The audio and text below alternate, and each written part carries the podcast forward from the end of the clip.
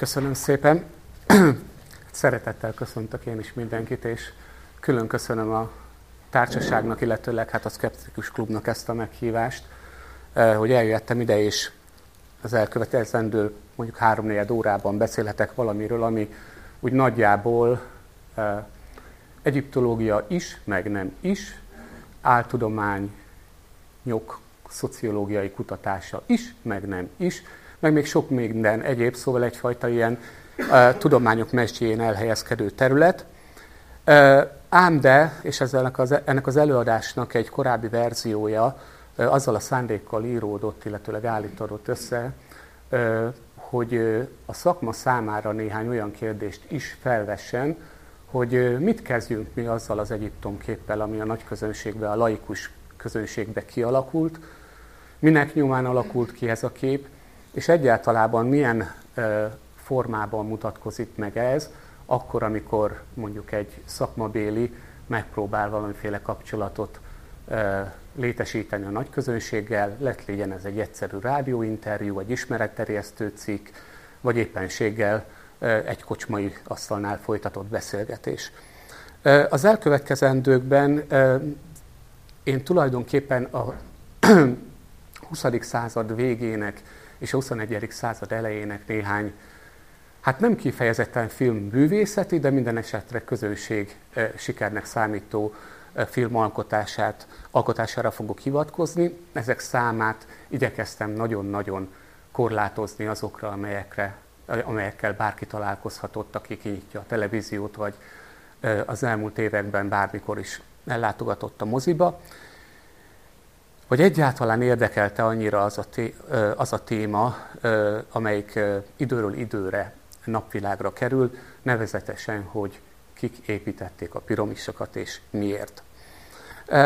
Ez az egyveleg, ez tulajdonképpen bizonyos mértékig aztán egyfajta masszává áll össze, és ebbe a masszába szeretnék egy picit mondjuk úgy lábújhegyel beletaposni az elkövetkezendő percekbe.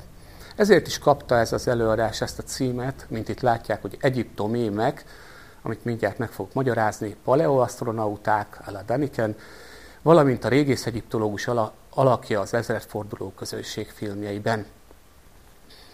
És kezdeném azzal a sort, hogy itt a kivetített eh, dián, eh, bár angolul, de ugye nagyjából az, az olvasható, hogy azt hiszem Kleopátra egy kicsit Elizabeth Taylorra hasonlított. Ez a meglepő kijelentés egyike volt azoknak a válaszoknak, amit egy 1999-ben egy reprezentatív felmérés során a meglehetősen neves, neves piackutató cég, a The Suzy Fisher Group készített, méghozzá a londoni Petrie Museum of Egyptian Archaeology, tehát a, a Petrie régi, az Egyiptomi Régészet Múzeuma megbízásából, és ez a felmérés tulajdonképpen arra kereste a választ, hogy a tényleges múzeumlátogatók és a potenciális múzeumlátogatók, tehát például a különböző oktatási intézmények hallgatói vagy diákjai, eh, milyen elvárásokat fogalmaznának meg egy újra installálás előtt álló kiállítás számára. Mit gondolnak Egyiptomról, mit szeretnének viszont látni, miért azt szeretnék viszont látni, és a többi, és a többi. Ám ezen túlmenően ez a felmérés nagyon értéke, értékes adatokat szolgáltatott arra nézve is, hogy úgy általánosságban a nagy közönségnek milyen képe van az ókori Egyiptomról, mit gondolnak az Egyiptomban folytatott régészetről, úgy általában, és hogy milyennek látják magát a régészt, mint karaktert.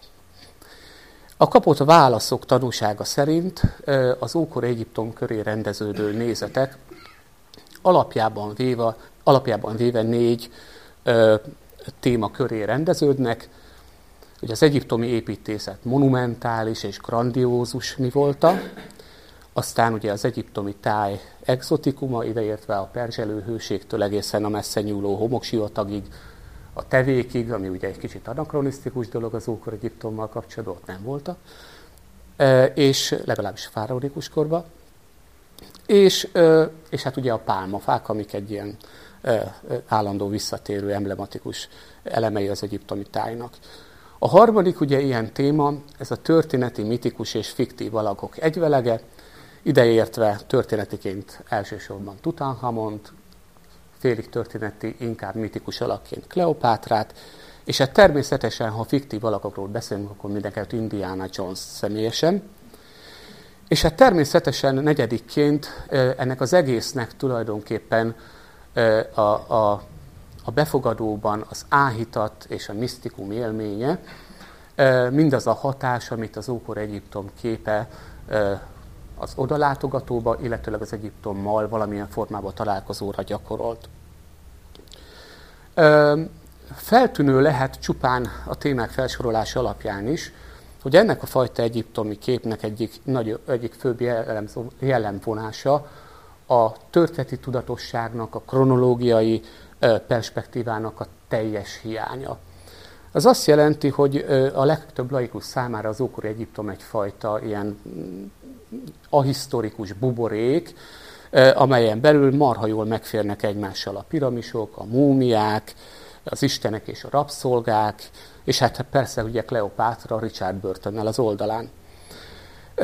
Az, az ókori Egyiptommal kapcsolatos különféle képzetek és ideák, ahogyan azt Fikri Hassan egy nemrégiben megjelent tanulmányában újabban nevezte őket, ezek az úgynevezett Egyiptom mémek, egyvelege ez az egész, ezzel állunk itt szembe, és hát tulajdonképpen ezek az egykori egy egykor létezett magas kultúrának egy rendkívül leegyszerűsített, lerövidített, sőt trivializált, és hát nem utolsó sorban kommercializált változatát jelentik vagy építik fel.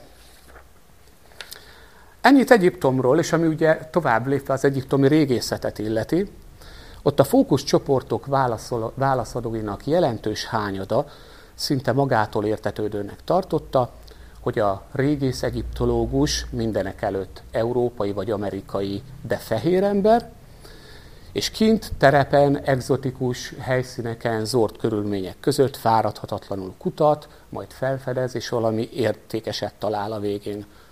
Különösképpen a fiatalabb korosztályba tartozó válaszadók fogták fel az egyiptomi régészetet, mint egyfajta játékot, ahogyan azt a, a felmérést végző ö, ö, piackutatónak a, a főnöke megfogalmazta, ha jól emlékszem, valami ilyesmit mondott, hogy e, az volt a benyomása a válaszok alapján, hogy ez a fiatal generáció úgy tekintett az egyiptomi régészetre, mint hogyha az ókori egyiptomiak azzal a szándékkal e, rejtették volna el a kincseiket, hogy arra buzdítsák, arra ösztönözzék a, a mai kor gyermekeit, hogy azok fölkutassák és ö, e, ö, megtalálják őket, tehát egyfajta kiki, próbára teszlek alapon. Ennek természetesen azért megvan a magyarázata, elég, hogyha azokra a számítógépes játékokra gondolunk, amelyekkel előszeretettel szórakoztatják magukat, nem csak ők, és, és amelyek valóban erre a, erre a klisére épülnek, elrejtett kincs, talányok, kutatás, és a végén eljutunk a, a végén annak az erekjének, vagy a múlt emlékének vagy éppen a megtalálásához, vagy a talány megfejtéséhez.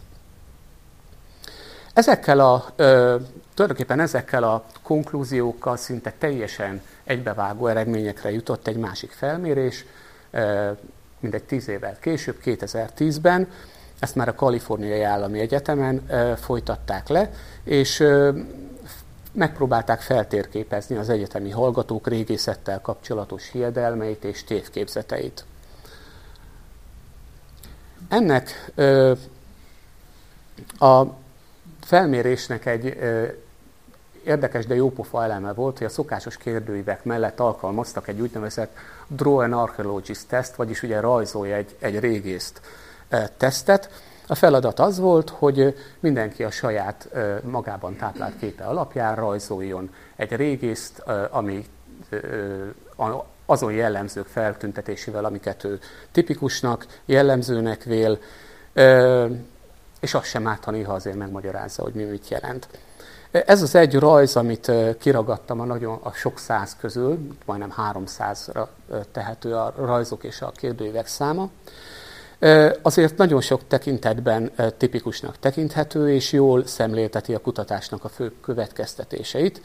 Nevezetesen, hogy a tesztben résztvevőknek a jelentős többsége úgy gondolta, megint csak, hogy a régészetet elsősorban férfiak művelik, legfőképpen kint terepen művelik, illetve, és egy picit tovább is lépek, hogy a régész munkájának részét képezik a geológiai és a paleontológiai stúdiumok is, tehát ugye a kalapáccsal, vésővel, mi egymással lerajzolt régész, az épp úgy a, a talajtamba, a különböző geomorfológiai képződményekbe kotorászik, és hát ugye nem csak csontokat, tárgyakat, hanem dínó maradványokat is talál. Ez egy rendkívül gyakori és egy nagyon permanens elem volt a válaszok között, túlságosan is gyakori ahhoz, hogy az ember elsiklódjon fölötte.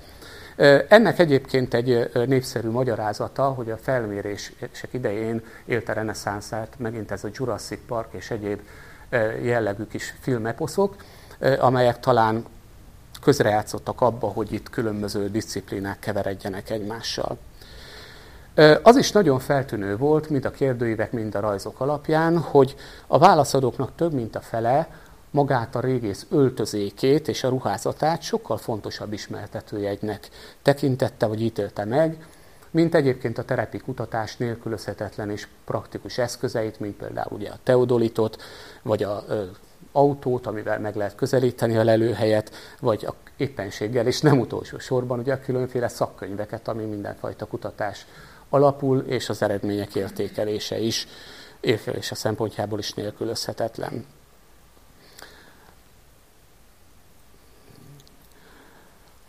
Ezt a felmérést koordináló Émi Gottschalk Stein arra is kíváncsi volt azonban, hogy ezek a tévképzetek, vagy ezek a, ezek a tézisek honnan, milyen formások, for, forrásokból származnak.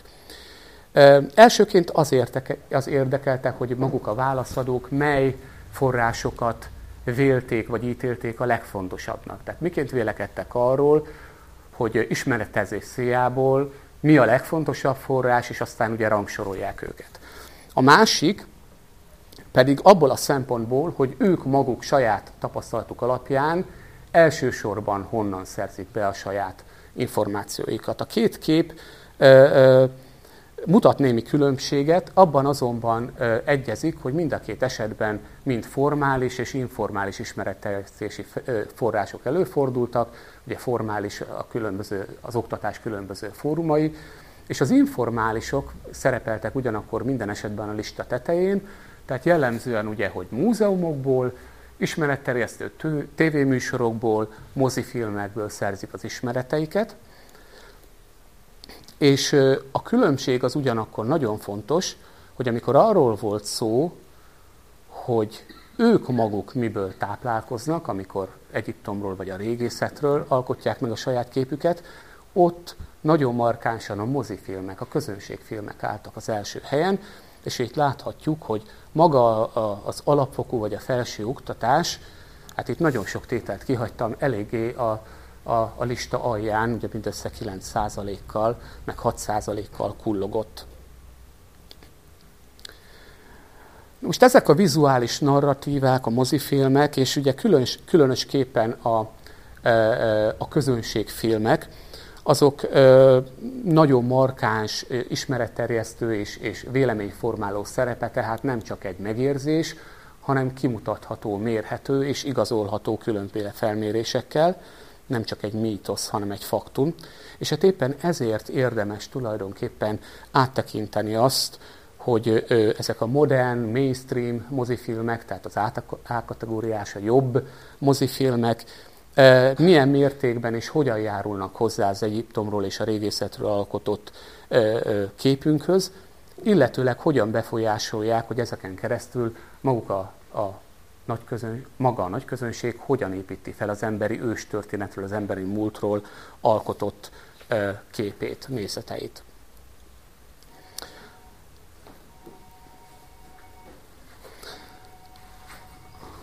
Maga ugye a régészet, a régésznek a munkája, az rendkívül jól illeszkedik a fikció, azon belül is a kalandregények, kalandfilmeknek a műfajához. Szinte tálcán kínálja magát, hiszen miről van szó, egzotikus helyszínekről, elrejtett kincsekről, megoldatlan talányokról. Így aztán nem csoda, hogyha a hollywoodi filmek első legtipikusabb formája nem, nem a régészet ugyan blokk, hanem kifejezetten a közel-keleti régészet, abból is első helyen Egyiptom, és második helyen a különböző bibliai, bibliai tájaknak a régészete. Éppen ezért aztán nem csoda, hogy a, a közönség, amely ezeken a filmeken nevelődik, a közel-kelet régészetéhez egyértelműen a kaland képzetét társította. Azt is jelenti ez, hogy nem csak a mozifilmek világában, hanem az egész populáris kultúrában a régészet ábrázolását három fő motívum határozta meg.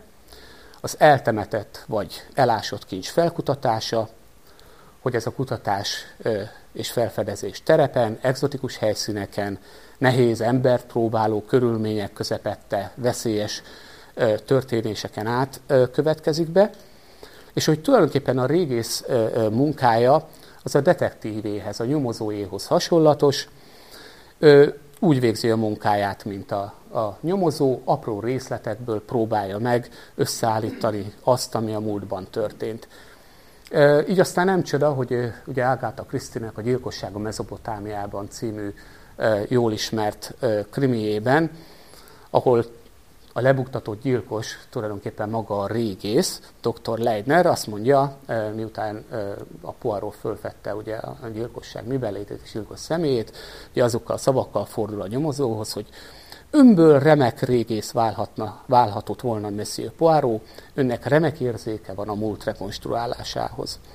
Látni fogjuk majd későbbiekben, hogy nem csak a, a módszer, hanem más tekintetben is a régész munkáját a, a nyomozóéhoz, méghozzá a privát kopóéhoz szokták hasonlítani.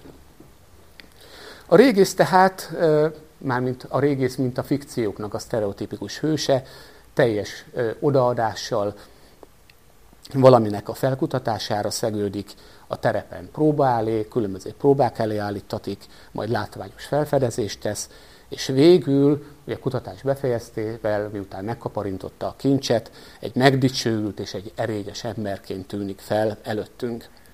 Ennek a, a sztereotípiának azonban van némi alapja, nem is akármilyen, Méghozzá ugye a hajdani utazók, kalandorok, sőt a korai archeológusoknak a beszámolói.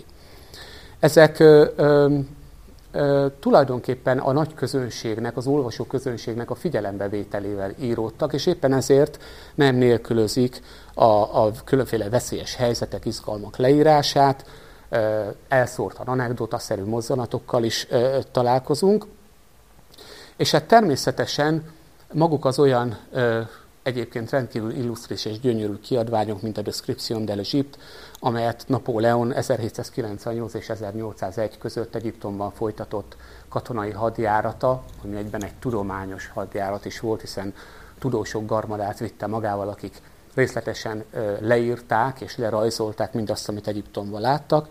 Szóval a Description de l'Egypte lapjain kiadott romantikus képek épp úgy forrásul szolgáltat ennek a populáris kultúrában meghonosodott sztereotíp képnek a kialakulásához, mint az olyan kutatók regényes élete és munkássága, mint Heinrich Schliemann, Trója felfedezője, aki rendkívül értett ahhoz, hogy regényes formájába, és hát önmaga szerepéről, hogy is mondjam, nem túl gátlásos módon tárja a nagy közönség elé az élettörténetét. Vagy ha már ugye Egyiptomnál tartunk, Giovanni Battista Belzoni rendkívül szemléletes leírásokat ad a, a különféle felfedezéseiről, hogyan lépett be egy múmiákkal tele töltött terembe, hogyan folytogatta a múmiák, vagy a bomló tetemek bűze, és a többi, és a többi. Szóval horrorisztikus elemeket sem nélkülözött a dolog.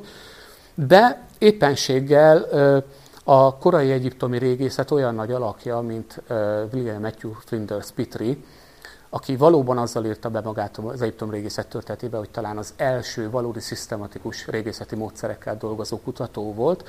Az ő korai ásatási beszámolói sem nélkülözik ezeket a, a, a sztorizgató elemeket, részletesen leírja egy helyét például, hogy hogyan zsarolta meg a helyi omdát azért, hogy fedje fel előtte, hogy múlt éjjel kiemelte el a leleteket tartalmazó, vagy leletek raktározására szolgáló sátorból az egyik stélét, tehát a feliratos sírkövet. És hát talán viszonylag kevesen tudják, hogy Pitri egyik segítője, Margaret Ellis Murray, hosszú éveken keresztül Pitri tanítványa és segítője is volt terepen, maga is jegyzett egyiptológus egyébként, amellett, hogy a tudomány embere volt, gyakorló boszorkányként is praktizált, sőt nem csak ő, hanem akik egyiptológusként itt jelen vannak, ugye jól ismerik Batiscom Gunn nevét, nagyon neves filológus, azt már kevés, az már kevésbé ismert róla, hogy luxori látogatásai alkalmával különféle szeánszokon vett részt többet magával, és mint egy ilyen skizoid állapotban egyszerre volt szigorú értelembe véve tudós, és különböző meghatározott és évszázadokon keresztül hagyományozódott Egyiptom képnek a megszállottja. Szóval ezek a leírások, ezek a a történetek ö, egyfajta, vagy nagyon, nagyon nagy szerepet vállaltak abban, hogy ez a kép alakuljon ki ö, a régészetről, még akkor is, hogyha nagyjából a második világháborút követő években aztán élesen ketté vált egymástól ö, az akadémikus ö, írás és a nagy közönség számára a különféle populáris ö, írások, ismeretterjesztő céllal vagy élménybeszámoló jelleggel készített írások, ennek ellenére azonban, hogy ez a kettő élesen szembe vált, a nagy közönség Egyiptom képére és régészetalkotott képére az előbbi, a tudományos, az nagyon keveset hatott, nagyon kevésé hatott, és ezekre az évtizedekre már meggyökeresedett ez a sztereotíp régész, a kaland, a kincskereső régésznek a képe. Tudományos valóság és a nagy közönség képe tehát nagyjából ezen a ponton vált ketté és távolodott el egymástól, és távolodik azóta is, és csak elkeseredett kísérletek vannak arra nézve, hogy valahogyan ezt a kettőt mégiscsak közös nevezőre kellene hozni. Tulajdonképpen napjainkban mind a szakma, mind a nagy közönség megítélése szerint a régészeti tárgyú kalandfilmeknek a két ikonikus karaktere, férfiként Indiana Jones, akit ugye Harrison Ford személyesített meg több ízben a vásznon, illetőleg Lara Croft, aki kezdte mint egy komputerjáték, és hatalmas nagy sikerén felbuzdulva, de két filmet is leforgattak a rendkívül bájos és vonzó Angelina Jolie főszereplésével. Indiana Jones, akivel elsőként szeretnék röviden foglalkozni, ugye ő, ő, az ő fiktív alakját két elég jó szakmabéli név, George Lucas és Steven Spielberg álmodta meg, méghozzá az 1981-es ez elveszett Frigláda fosztogatói című történetben lépett először a filmvászorra, és ő, az ő karakterének megmintázásakor tulajdonképpen egy, egyfajta James Bond karaktert gyúrtak össze, úgy nagyjából az 1930-as években a tévékben vetített amerikai sorozatok egyéb hősei, hőseinek jellemzőiből. Kész akarva tulajdonképpen egy olyan régész figuráját alkották meg, aki már a, a kor régészeti sztenderdjéhez képest egy, egyfajta visszaütés, visszalépés, tehát a kalandor, kalandvágyó és kevésbé a tudomány embere régész típus volt ő, tehát ez ugye a processzuális régészet előtti időket idézte meg. És hát Indiana Jones, vagy ahogyan ugye emlegették, röviden beszélvén Indi kép, kétségkívül egy ilyen korai archeológus figura volt, nem csak korai, de egyben heroikus archeológus is volt, ami azt jelenti, hogy nagyjából egy prototípusaként, mondjuk az egyiptomi régészet történetéből az, az előbb már kivetített és megmutatott Belzóni regényes élete szolgálhatott, vagy még inkább talán a közel-kelet régészetének más területéről az angol Austin Henry Layard, aki egyben Nimrod és Ninive feltárója is volt, Na de nem csak régész volt ő, hanem egyszerre utazó, művészettörténész, jogász, gyűjtő, politikus és diplomata. Tehát egy rendkívül széles skáláján mozgott az ő kompetenciája és tevékenysége.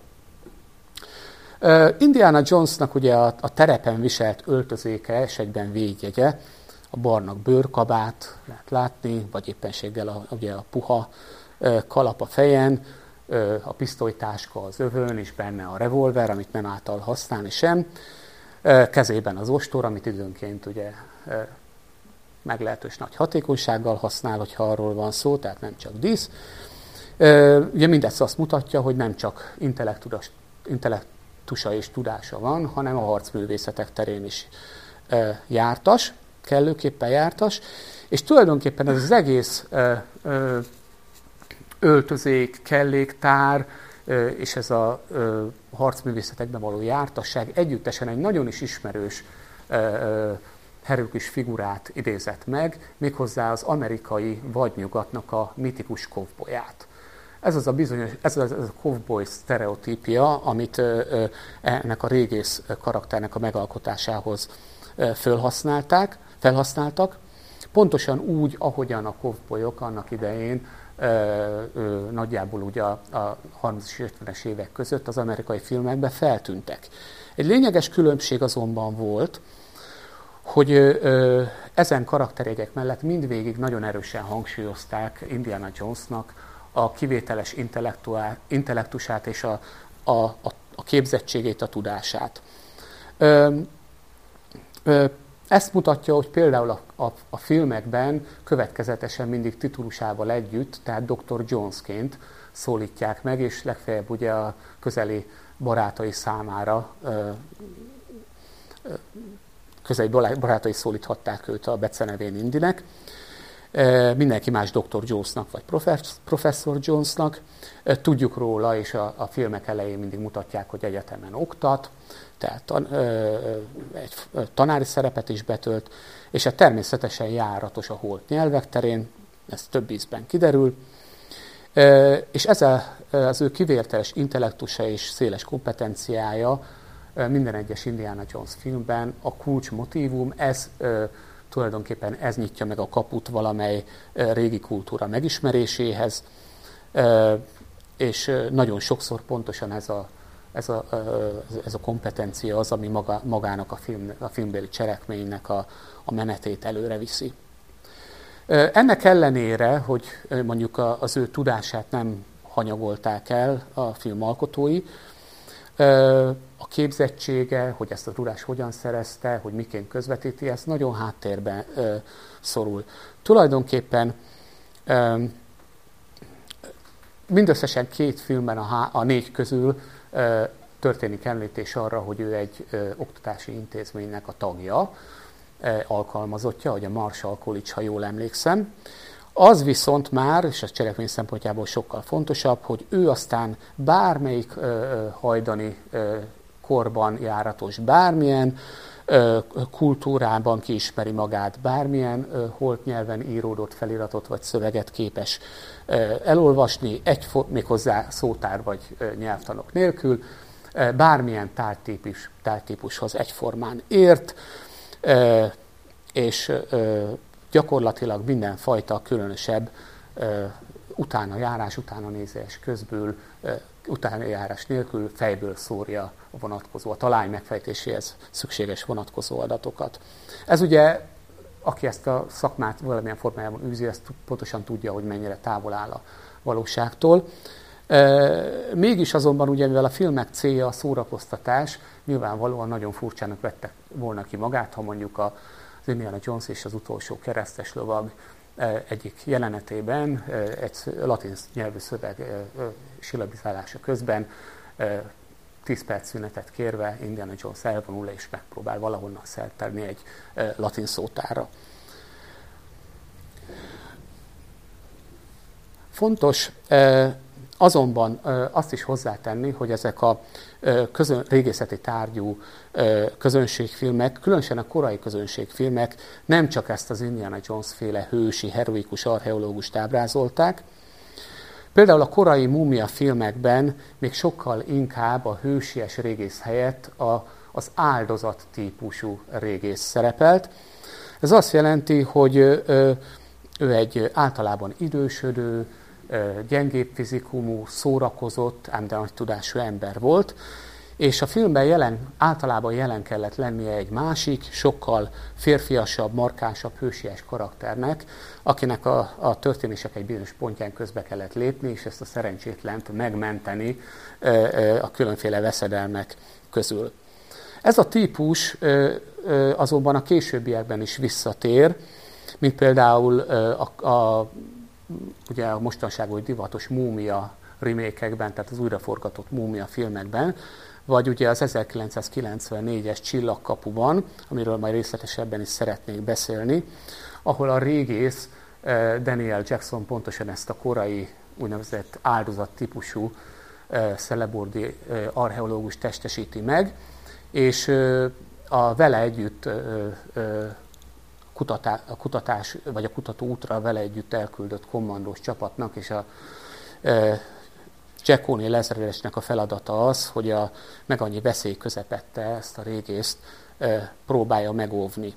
Másoktól és önmagától is, mint itt ezen a képen látható, amikor a, egy idegen bolygóra érkezve egy helybéli e, hát, teherhordó kis állat magával hurcolja a mi kis régészünket. Az Indiana Jones filmekből lemérhető, hogy a régész vagy a régészet disziplináját való, valójában mennyire a valóságtól elrugaszkodva ábrázolták, vagyis a filmekből nyerhető kép az teljesen más, vagy más képet tolmácsol tulajdonképpen arról, hogy hogyan szerveződik ez a tudományág, mit csinál a régész, ki számára végzi, el a, végzi a munkáját a, a régész, illetőleg olyan praktikus dolgok terén, mint például, hogy honnan származik a régésznek a, a jövedelme. Általában a filmbéli régész szabadúszó.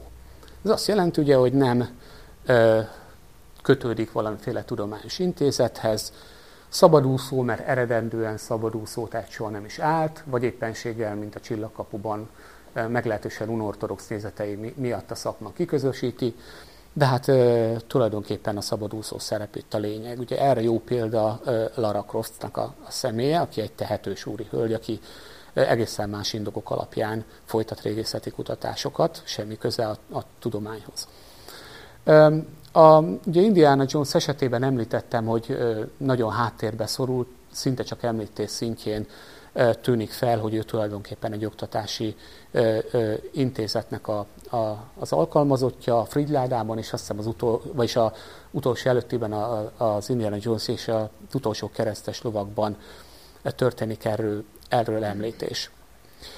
A filmekben maga a régészeti kutatás sem előre megtervezett módon gondosan végig gondolt kutatási célok mentén indul meg, hanem vagy valamely kormányzati szerv megbízásából, lásd az elveszett Frigláda fosztogatóit, vagy egy magánszemély megbízásából, akinek fixa ideája, hogy megmentse a világot, így például az első Lara Croft film, ugye a Tomb Raider 2001-ből, vagy szintén egy magánszemély megbízásából, de már nagyon is önös érdekek mentén, nevezetesen haszonszerzés céljából.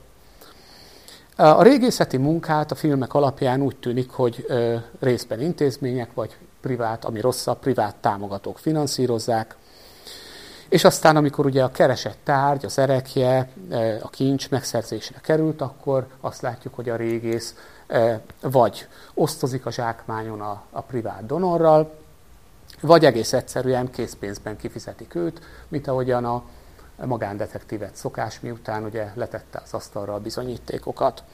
Éppen ezért, és ezt kollégák is megerősíthetik, a hétköznapi életben nem ritka, amikor rácsodálkozik a laikus ember, hogy Isten, nem hozhatod az haza azt, amit Egyiptomban találsz, vagy azt nem tarthatod meg, ami az ásatás során előkerül? Hát bizony nem tarthatja meg az ember, sőt nem csak, hogy nem tarthatja meg, vagy a múzeumi gyűjteményt nem gyarapíthatja, de pláne nem lehet arról szó, hogy ezt, hogy ezt esetleg a műkincspiacon hát pénzre, vagy külföldi eseté, esetben dollárról vagy euróra fordítsuk át. Ugyanakkor alapvető, alapvetően és makacsul tartja magát ez a, az a tévhit, hogy, és a sajnos tám, potenciális támogatói körökben még mindig tartja magát, hogy egy régészeti kutatás az egy megtérülő üzleti vállalkozás, tehát ha én támogatok egy projektet, akkor joggal remélhetem, hogy utána a régész letesz valami olyasmit az asztalra, amiből nekem valamiféle financiális, akár financiális hasznom is származik. Talán nem meglepő ennek tudatában, hogy a régésznek egy másik, a régész munkájának egy másik fontos aspektusát, méghozzá a kulturális örökség megóvásáért folytatott áldász küzdelmét sem nagyon helyezik előtérbe ezek a közönségfilmek. Ez a szerep nagyjából arra korlátozódik, hogy a régész közbelép, amikor valamely értékes múltbeli emléket veszély fenyeget, ez a veszély akár a pusztulás veszélye lehet, akár az, hogy rossz kezekbe kerülve eltűnhet, vagy visszaélhetnek a benne rejlő hatással, értékkel, vagy veszéllyel. Ezek természetesen ez a felállás szinte semmit nem mond a, a, a nézőközönségnek annak fontosságáról, hogy mondjuk egy lelet régészeti kontextusát miért kell megőrizni, és miért fontos aprólékosan dokumentálni, már pedig ez tulajdonképpen a terepen végzett régészeti kutatásnak az alfája. Itt kezdődik minden. Maga a régészeti lelőhely is meglehetősen furcsa színben tűnik fel a filmekben. Például a fiktív régészek soha nem mutatnak érdeklődést a lelőhely megóvása iránt, éppen ellenkezőleg. Ugye a filmekben a lelőhely tulajdonképpen egyfajta gát, ami a régész és az állított kincs között húzódik. Ez az, ami elválasztja és gátolja a régészt a kincs megszerzésében. Gátolja, mert maga a hely, ahol el van rejtve, az ugye messze van, tehát sokat kell utazni. A hely veszélyes, izgalmakban bővelkedik. Maga a lelőhely, ugye különféle talányokkal, rejtélyekkel és nem utolsóban csapdákkal teli, amelyeket vagy meg kell oldani, vagy el kell kerülni, vagy ki kell védeni. És hát nem ritkán ugye magát a lelőhelyet átok védi, vagyis ugye az ősök előrelátólag a mágia varázs eszközével is igyekeztek meggátolni az utódgeneráció tagjait, hogy a lelőhelyet magát háborgassák, vagy a kincset megszerezzék. Ugye így ennek például egy rendkívül szemléletes példája a, az újraforgatott Múmia film elején, ugye Hamunaptra városa, ahol Imhotep múmiája rejtőzik, gondosan eltemetve, és amely, amelyet nagyon sokan és nagyon sokáig hiába keresnek, mert hogy egy átok védi és rejti el az avatatlan szemek elől. És hát természetesen ugye a lelőhely, amely ilyen rejtélyekkel, csapdákkal és átkokkal vár a felfedezőre, ezekben a filmek, közönségfilmekben a film csúcsjelenetének lezárásaképpen nagyon gyakran el is pusztul. De gondoljunk a, a, például az Indiana Jones és az utolsó keresztes lovag záró jelenetére, amit ugye Petra híres ö, ö, ö, lelőhelyén forgattak, és amely tulajdonképpen a film története szerint hát rommá dől a Szent Grálért folytatott küzdelem hevében. De ugye a leg, legutolsó Indiana Jones filmben is, ahol tulajdonképpen az ősi templom, az Közép-Amerikában egy repülő csészalja alakul át, és fölszáll, és minden korábbi rommező ezáltal megsemmisül. És mindez ugye a lehető legkisebb aggodalmat sem váltja ki a fikció régészében. Ugyanakkor a, a közönség filmekben a régész nem csak pozitív figura tud lenni, hanem hát néha negatív színben is feltűnhet. Lehet gátlástalan, könyörtelen, néha őrült, vagy egyenesen elvetemült gonosz is. Alapvetően két típusát szoktuk megkülönböztetni. Az egyik, aki, aki csupán erkölcstelen, és mondjuk teljesen közömbös számára, hogy kinek is miért dolgozik. Ugye ennek egy nagyon jó példája szintén a Indiana Jones filmekből, az elsőből, az elveszett Fridláda fosztogatóiból, René Emile Belloc, aki tulajdonképpen egy francia régész, és Indiana Jonesnak a fő vetélytársa a Fridládáért folytatott hajszába. Ő egy olyan típusú karakter, akit semmi más nem ö, hajt, ö, semmi más nem mozgat, mint hogy mindenki előtt megszerezze az, a múlt elrejtett emlékét, és azt pénzét tegye. Teljesen mindegy, hogy milyen úton és kik számára. Éppen ezért bár a, a filmből tudjuk, hogy nem szimpatizál és nem azonosul a nácikkal, mégis nem által az ő szolgálatukba állni, nem törődve azzal, hogy mik az, mi a szándékuk az esetlegesen előkerülő frigyládával. A másik negatív régész típus a magángyűjtő, aki ugye kizárólag a maga számára akarja megkaparintani a tárgyat rendkívül önző módon, és e szágában sincs esetleg egy múzeumban, egy közgyűjteménybe a, a szélesebb nyilvánosság számára hozzáférhető módon elhelyezni azt. Érdekes azt is megfigyelni, hogy a régészeti orientációjú filmekben a főhős szinte kivétel nélkül európai fehér ember testesíti meg, méghozzá társadalmi hovatartozását tekintve a brit felső osztálynak a tagja. Vannak a, ennek a, az, a, vannak az alsóbb társadalmi osztályokba tartozó fehér emberek is a filmekben, ezek jellemzően a főhőst vagy főhősöket kísérő, és nagyon gyakran komikus figurák, segédszereplők. Ami azonban lényeges, hogy a negatív figurákat, azokat soha nem a brit felsőosztály tagjai jelenítik meg, hanem jellemzően külföldi, tehát európai, de nem brit származású karakterek. Így például elsősorban németek és franciák. Na most ugye a németeket még érthetnénk, ennek ugye a gyökerei a második világháború korában, vagy második világháború korára tehető témákat feldolgozó filmekben gyökerezik, ahol mondjuk ezt nagyon nem kell magyarázni, és ugye ezek után például az Indiana Jones filmekben is, ugye a, a nácik esetében, bár nem a német származás kerül itt előtérbe, hanem a, a náci eszmékkel való szimpatizálás, de mégiscsak ugye a németek tárcán kínálták az azonosítási lehetőséget. A és ezt mondom, azut, azután is megmaradt, hogy a világháborút követően a kapcsolatok normalizálódtak Németországgal, mégis valahogyan a negatív hősök, az antihősök szerepében előszeretettel formáltak meg német származású karaktereket. És hát ugye, a, ami pedig az erkölcsileg romlott régész alakját, a mohó régész alakját illeti, ott pedig előszeretettel válogattak francia karaktereket. A következőkben szeretnék néhány szót szólni a régész karakterfejlődésének egy fontos aktusáról, nevezetesen a karakternek a szexualizálásáról.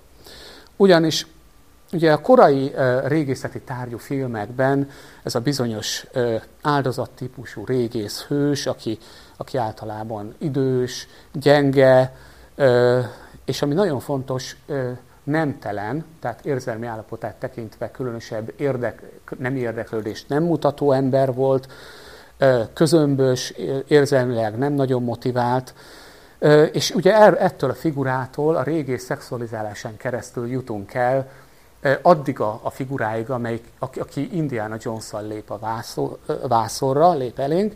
Ugye tulajdonképpen Indiana Jones és az ő későbbi másolatai, epigonjai, azok a fiatal, erős, bátor, heroikus régész karakterét jelenítik meg. Most ez a folyamat, ahogyan eljutottunk innen az aszexuálistól a, a, az eroticizált régészig, ez csak részben követi a, a filmművészetben egyébként is meglevő tendenciát, ahogyan mondjuk a, a filmművészet korai évtizedeiben ugye mennyire korlátozva volt az, hogy mit lehet és milyen mértékben megmutatni az adott karakterek nemiségéből, vonzerejéből, és hogy mennyire megengedővé vált a terep a, a, a, a századforduló idejére.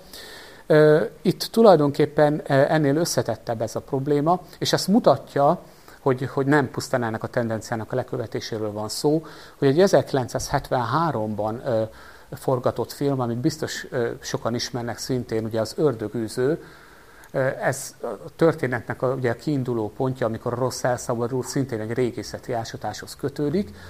Na most itt az a régész, aki tulajdonképpen a világra szabadítja a gonoszt, az nem más, mint egy teljesen aszexuális figura, de nem külcsínyét, fizikumát, báját, jóképűségét, vagy bármi egyebet tekintve, hanem társadalmi státuszát, foglalkozásából eredő státuszát, ugyanis egy katolikus pap, és mint olyan, ugye a, a, a szexualizálás szempontjából értelmezhetetlen.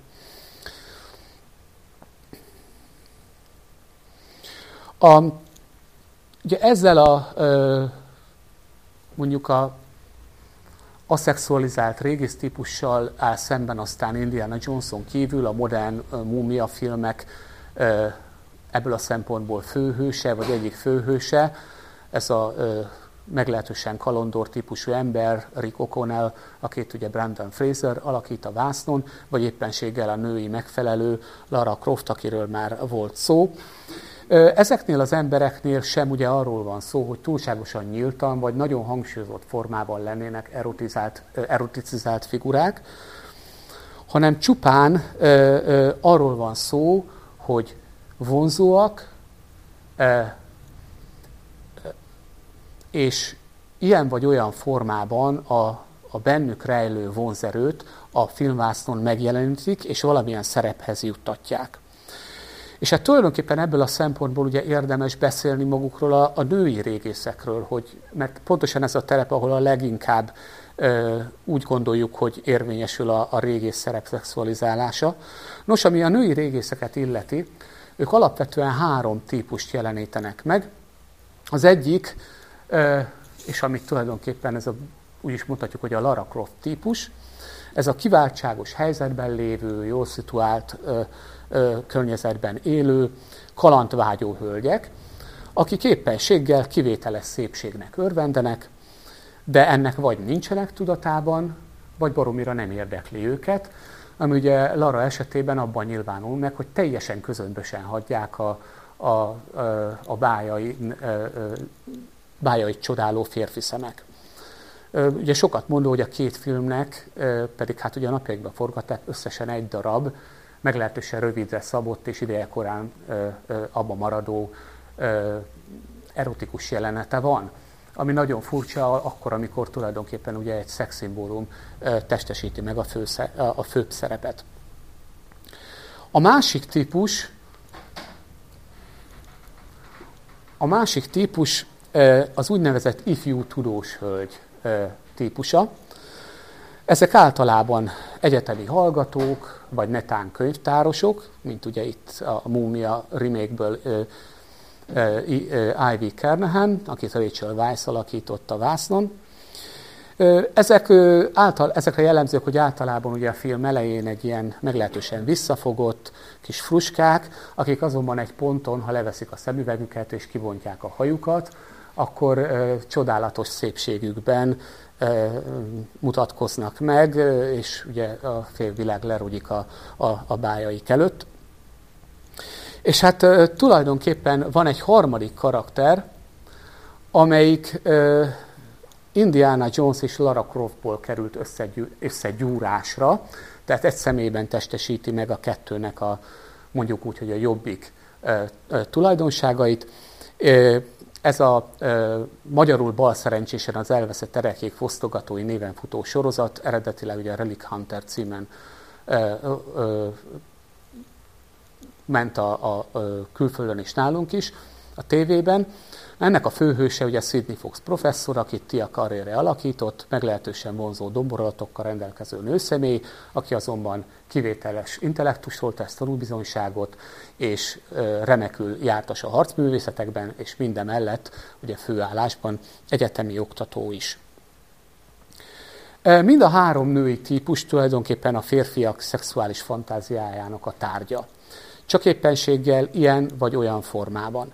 De nem csak a férfiaké, hanem a nőké is, mert azáltal, hogy tulajdonképpen a nők, mármint a hölgy közönségre gondolok, mozi közönségre, bizonyos mértékig azonosulhatnak ezekkel a személyekkel, és ezáltal az ő vágyaik, az ő céljaik is kielégülést nyerhetnek a női karakteren keresztül. És ugye hát itt van a veszélyes múlt ezekben a filmekben. Ugye a múlt ábrázolása a mainstream közönségfilmekben nagyon-nagyon gyakran arra az alaptézisre épít, hogy az ókori civilizációk valamiféle ősi elrejtett tudás birtokában voltak, ez a tudás néha fejlett, magasan fejlett technológia formájában is alakot ölthetett, és hát valahogyan, vagy a tárgyak formájában, vagy a történések formájában, de kiemelkedő szerephez jut a természet feletti. Ez ugye lehet akár a Fridláda az Indiana Jones filmekből, akár valamiféle más esemény. Ezek a, vagy a múltnak ez a rekonstruálása tulajdonképpen áltudományos, és bár a készítőik egyáltalában egyetlen egy ponton sem mondják azt, hogy a filmekben ábrázolt múlt lenne a valóság, mégis ugye a felmérések azt mutatják, hogy a közönségre gyakorolt hatásuk az nagyon, még, még, mégiscsak fontos és lényeges. Ráadásul még csak nem is új keletű, hanem egészen az 50-es évekig nyúlik vissza. Tehát a közelkeleti régészet és a természet felettének a vegyítése az az első múmia filmek idejére, tehát az eredeti múmia film, ugye, ami 1932-ben került a mozikba, és ahol Boris Karloff alakította Imhotepet. Innen, vagy tulajdonképpen ebből gyökerezik a természet feletti és az archeológia valamilyen formában történő vegyítése. És ugye az alapszituáció pedig az, ezekben a filmekben, hogy a régész munkája során megbolygat és elszabadít valamit, amit pedig nem kellett volna megbolygatni, hanem békén kellett volna hagyni valakit vagy valamit, ugye ebben az esetben valakit. És ugye a drámai hatás ezekben a filmekben nagy, nagy részt azon alapul, hogy miközben a régész mit sem sejtve ténykedik, ás, kutat, a nézőközönség meg pontosan tudja, hogy a ténykedésének micsoda e, tragikus következménye lesz, gyakran az egész világra nézve. A régész valami olyat tesz, amit nem kellene, hogy megtegyen. Ugye máskor, más filmekben a múltban rejlő veszélyt valamiféle technológia jelenti, amikor tulajdonképpen a régész kutatása során napvilágra kerül valami, és aztán aktivizálódik. Ugye jó példa erre a csillagkapu, ahol tulajdonképpen egy, az ókori Egyiptom történeti gyökerei, gyökerei vagy, vagy történeti kezdetéből származó gyűrű kerül elő régészeti ásatás során, amely aztán egyfajta ilyen interdimensionális kapuként más világok felé megnyitja az utat. Az is ismeretes, ugye, hogy a, ezeket a technológiákat az őseink, mondják az áltudományos nézetek képviselői, bölcs meggondolásból elrejtették és elzárták. Vagy azért, mert rájöttek, hogy magukra nézve is veszélyt jelent, pusztító hatásúak, vagy pedig azért, mert az utódgenerációt próbálták megóvni attól, hogy ugyanabba a hibába essenek, és ugye vagy elrejtették, eltemették, vagy jobb esetben legalábbis különféle csapdákkal, rejtélyekkel övezték, hogy lehetőleg nehéz legyen a hozzáférés. A régész ugye itt szerepeit megint pontosan ugyanaz, mint a mummia filmeknél, hogy a világra szabadít valamit, amit nem kellene, felfed valamit a múltból, amit jobb lett volna érintetlenül hagyni, és hát ezzel tulajdonképpen a közönség berkeiben az, ismeretlen, az ismeretlentől való félelemre épít ez a filmtípus.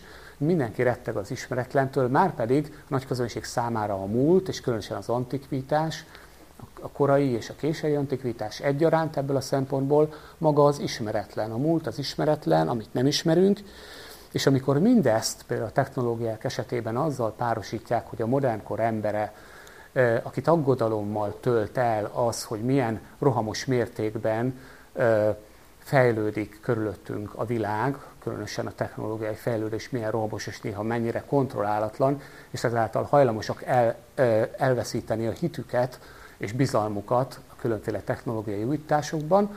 Amikor ez a kettő egy filmben ötvöződik, akkor gyakorlatilag garantált a siker. Éppen ezért nem csoda, hogy ezek a filmek nem csak az áltudományos eszmékből merítenek, amikor kigondolják az alaptörténeteiket, de egyfajta visszacsatolásként maguk a filmek, a filmbeli történések is aztán az áltudományos irodalom számára szinte kimeríthetetlen inspirációs forrásként szolgálnak. Jó példa erre, hogy az 1994-es csillagkaput követően kimutatható és mérhető módon megugrott a paranormális és, és áltudományos tézisekkel teli könyveknek a, a kiadása, sőt, konkrétan magát a filmbeli alapötletet számos áltudományos mű aknázta ki, és ragozta gyakorlatilag a végtelenségig.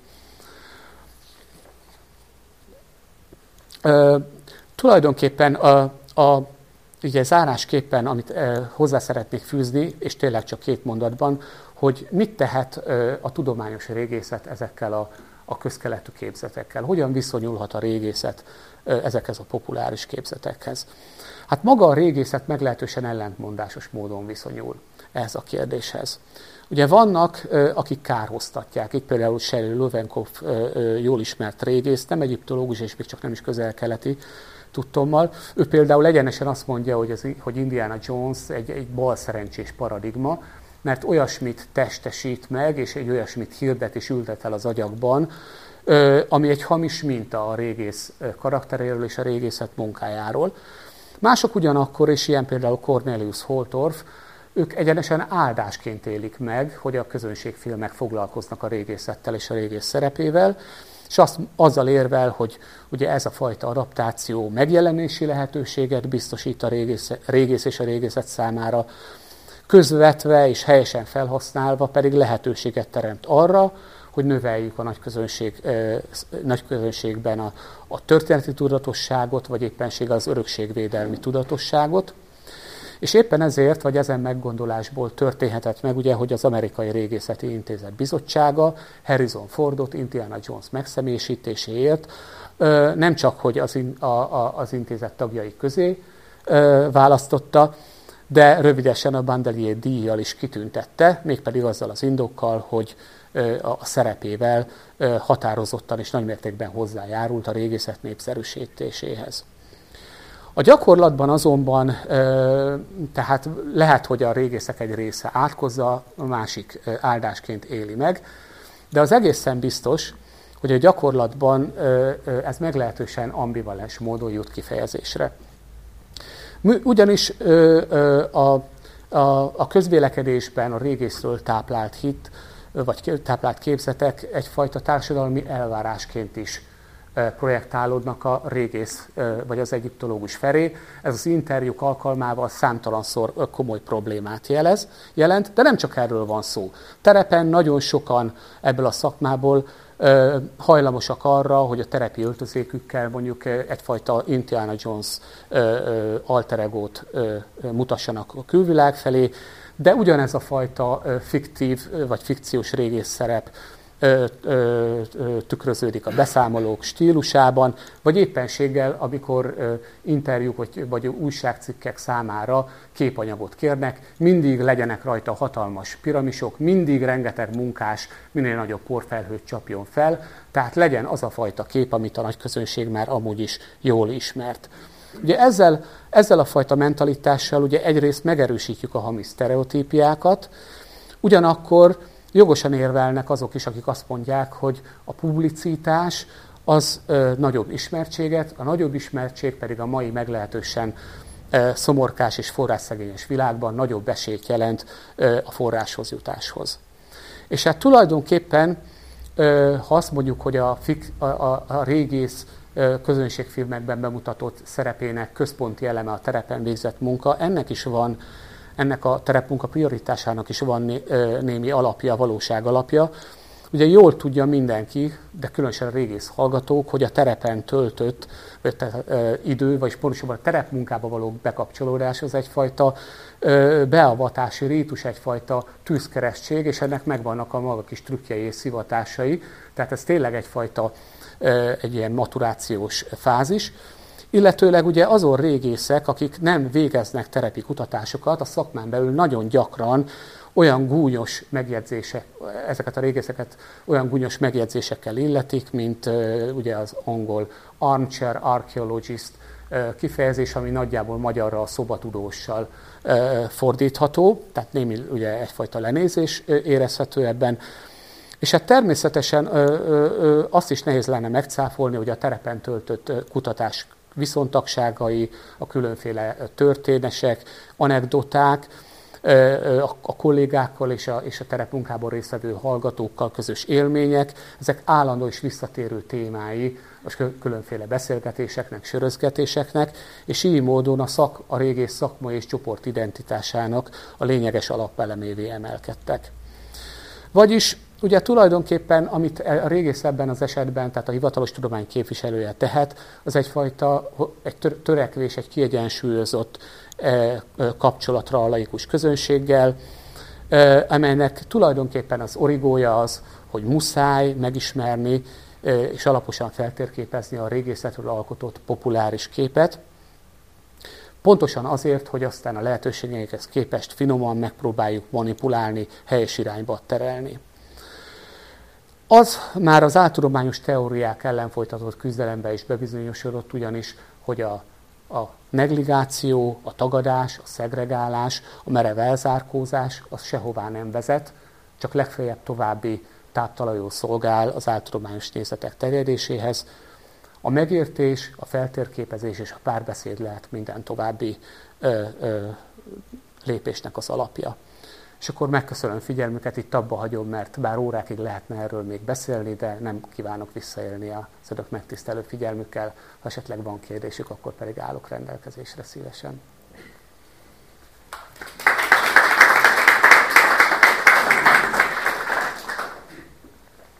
Köszönjük szépen, rengeteg információ hangzott el is. Nekem rengeteg kérdésem lenne, de nem én kezdem. Hogyha a hallgatók legköreiből van valakinek kérdés, és arra kérem az egyetológusokat, hogy az első körben fogják vissza magukat, majd utána.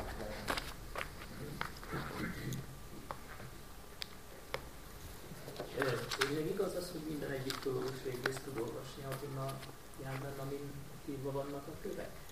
Vagy nem foglalkoznak ezzel a Hát ha arról... ABC is szokott itt előadás lenni a rovásírásról, lássuk akkor mi van Egyiptomban.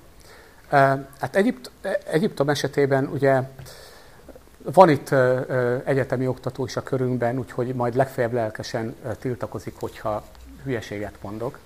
De az szokott lenni a törvényszerű, hogy az egyetemi oktatásba bekerülő emberkéknek egy része hogy nagyjából valami gyerekkora óta hordozott romantikus képet táplál az, egy, az egyiptológiáról. Az első nagy kiábrándultsági fázis az az, amikor az első nyelvórán túlesik.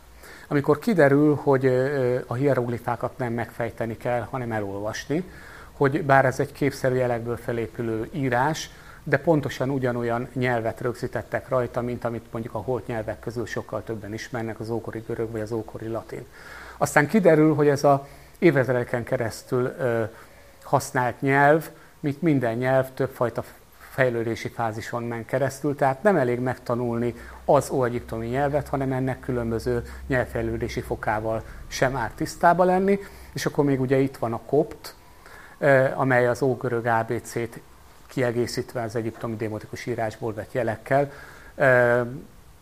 tökére fejlesztette, és ugye számos kora kereszténységhez köthető irat ezen íródik, és e, ennek az ismeretével válik csak hozzáférhetővé. Szóval, hogy még ez is van, és mivel ugye a forrásaink egy jelentős része viszont a görög auktorokon keresztül hagyományozódott ránk, még ógörögöt is kell tanulni.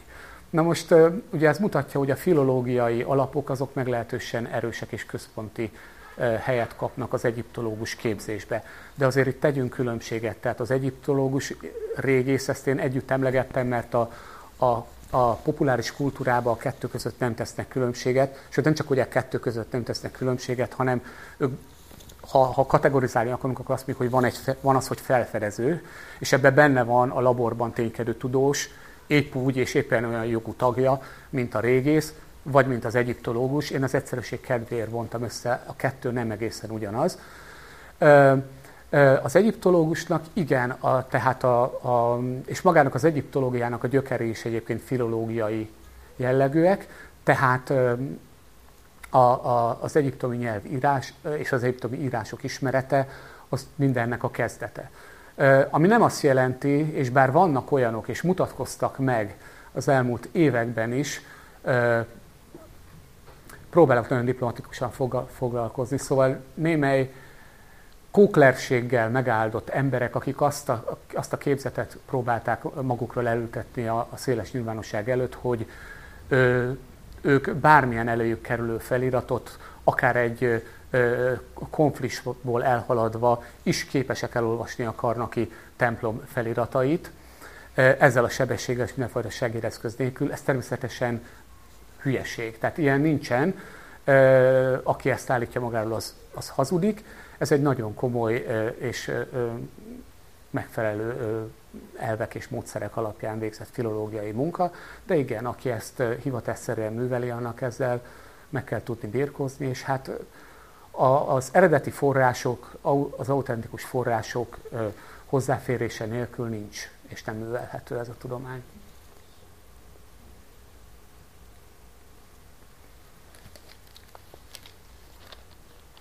Nem ellenkeztél Balázs, úgyhogy úgy, úgy, gond, úgy gondolom, hogy a, a kiábrándultság mindenki, aki vizsgázott Kákosi professzornál, az emlékszik arra, hogy Kákosi professzornál volt blokkoltatás.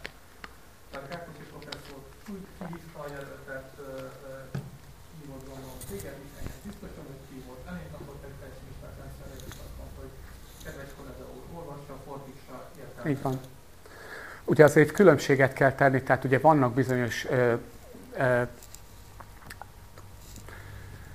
nem akarok rossz kifejezést használni, de mégis kénytelenek leszek csak azért, hogy világos legyen, hogy miről van szó. Tehát vannak bizonyos sztereotípizált vagy kanonikus szövegek, amelyek ismereténél ez elvárható. Én, amikor az előbb beszéltem, akkor, akkor próbáltam azt a, azt a történést, vagy abba a történésbe helyezni magam, amit maguk a filmek is megjelenítenek, hogy tehát adva van egy kutató munka, ahol előkerül valami, amivel meg kell birkózni ahhoz, hogy egyről a kettőre jussunk. Most ez a faj, ennél a fajta dolognál, tehát ugye aki valaha szöveget adott ki, fordított, olyanról beszélek, ami korábban még más kezében nem fordult meg, más szem nem látta, az jó tudja ennek a gyötrelmeit, ameddig az olyan állapotba kerül, hogy azt megfelelő magabiztossággal a tudományos közvélemény elé lehet tárni. De ugye persze ez a munka, ez meg nem végezhető el annélkül, hogy valakinek meg ne lennének azok a nyelvi alapjai, aminek igenis részét képezi, ahogyan Balázs is mondta, hogy bizonyos alapvető szövegeket meg illik tudni. Stéli feliratok, klasszikusnak számító irodalmi művek, himnikus töredékek, stb. stb.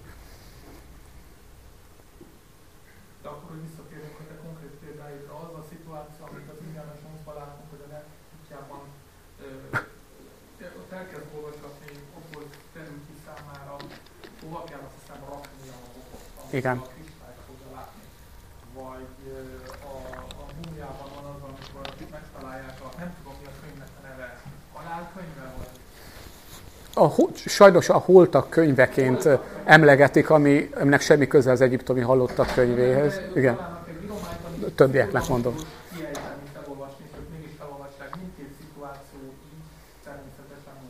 Igen.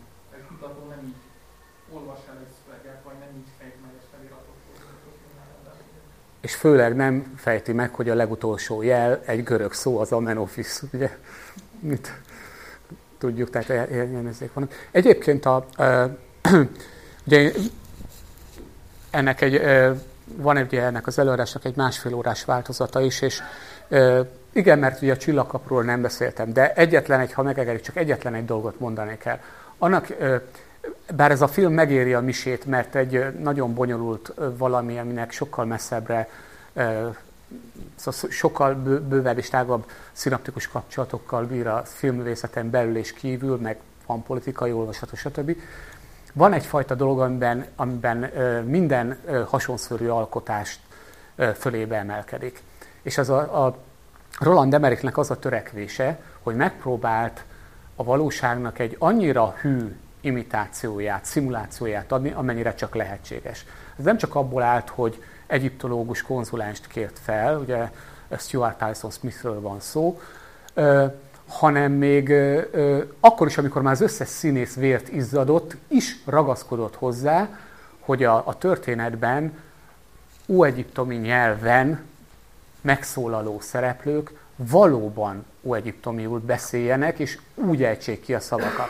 Ugye miután mi viszont nem tudjuk, hogy az óegyiptomi hogy hangzott, ezért az egyiptomi, egyiptológus konzulást megkérték arra, hogy az eredeti szövegekből kiindulva, meg a nyelv, nyelvfejlődési fokok és nyelvfejlődési tendenciák ismeretében, ékírásos forrásokból származó kiejtési párhuzamok, akkor a kopt, amiben már jelölik a magáhangzókat ismeretébe. Szóval, és akkor mindezt még egy kicsikét ragozza úgy, hogy, hogy ez aztán elszigetelten fejlődött még pár ezer éven keresztül, úgyhogy nem került mással érintkezésbe, alkosson meg egy kvázi nyelvet, aminek van nyelvtana, van, van ö, ö, ö, morfológiája, szemantikája, szintaxisa, tehát egy teljesen, ö, ö, egy teljesen komplett és működő ö, nyelvet alkosson meg, és ö, jól emlékszem, hogy órákat töltöttünk többen magunkkal a videó előtt, amikor a szereplők száját elhajó szavakból megpróbáltuk, vagy szavakban megpróbáltuk megtalálni az egyébként a, a, szövegekből, a feliratokból ismerős kifejezéseket. És ez egyébként egy mai napig egyedülálló vállalkozás, mert például a múmia filmeknél szintén úgy gondolták, ha egyszer bejött, most is be fog jönni, szintén ezzel a szándékkal indultak neki, szintén felkérték Stuart Tyson Smith, szintén elkészítette a, a, ezt a bizonyos nyelvrekonstrukciót, és az egészet úgy dobták ki az ajtón, az ablakon, hogy csak úgy repült, sok más egyébben együtt, mert azt mondták, hogy ez nem hangzik elég jól. Tehát ugye producere és rendezője is válogatja.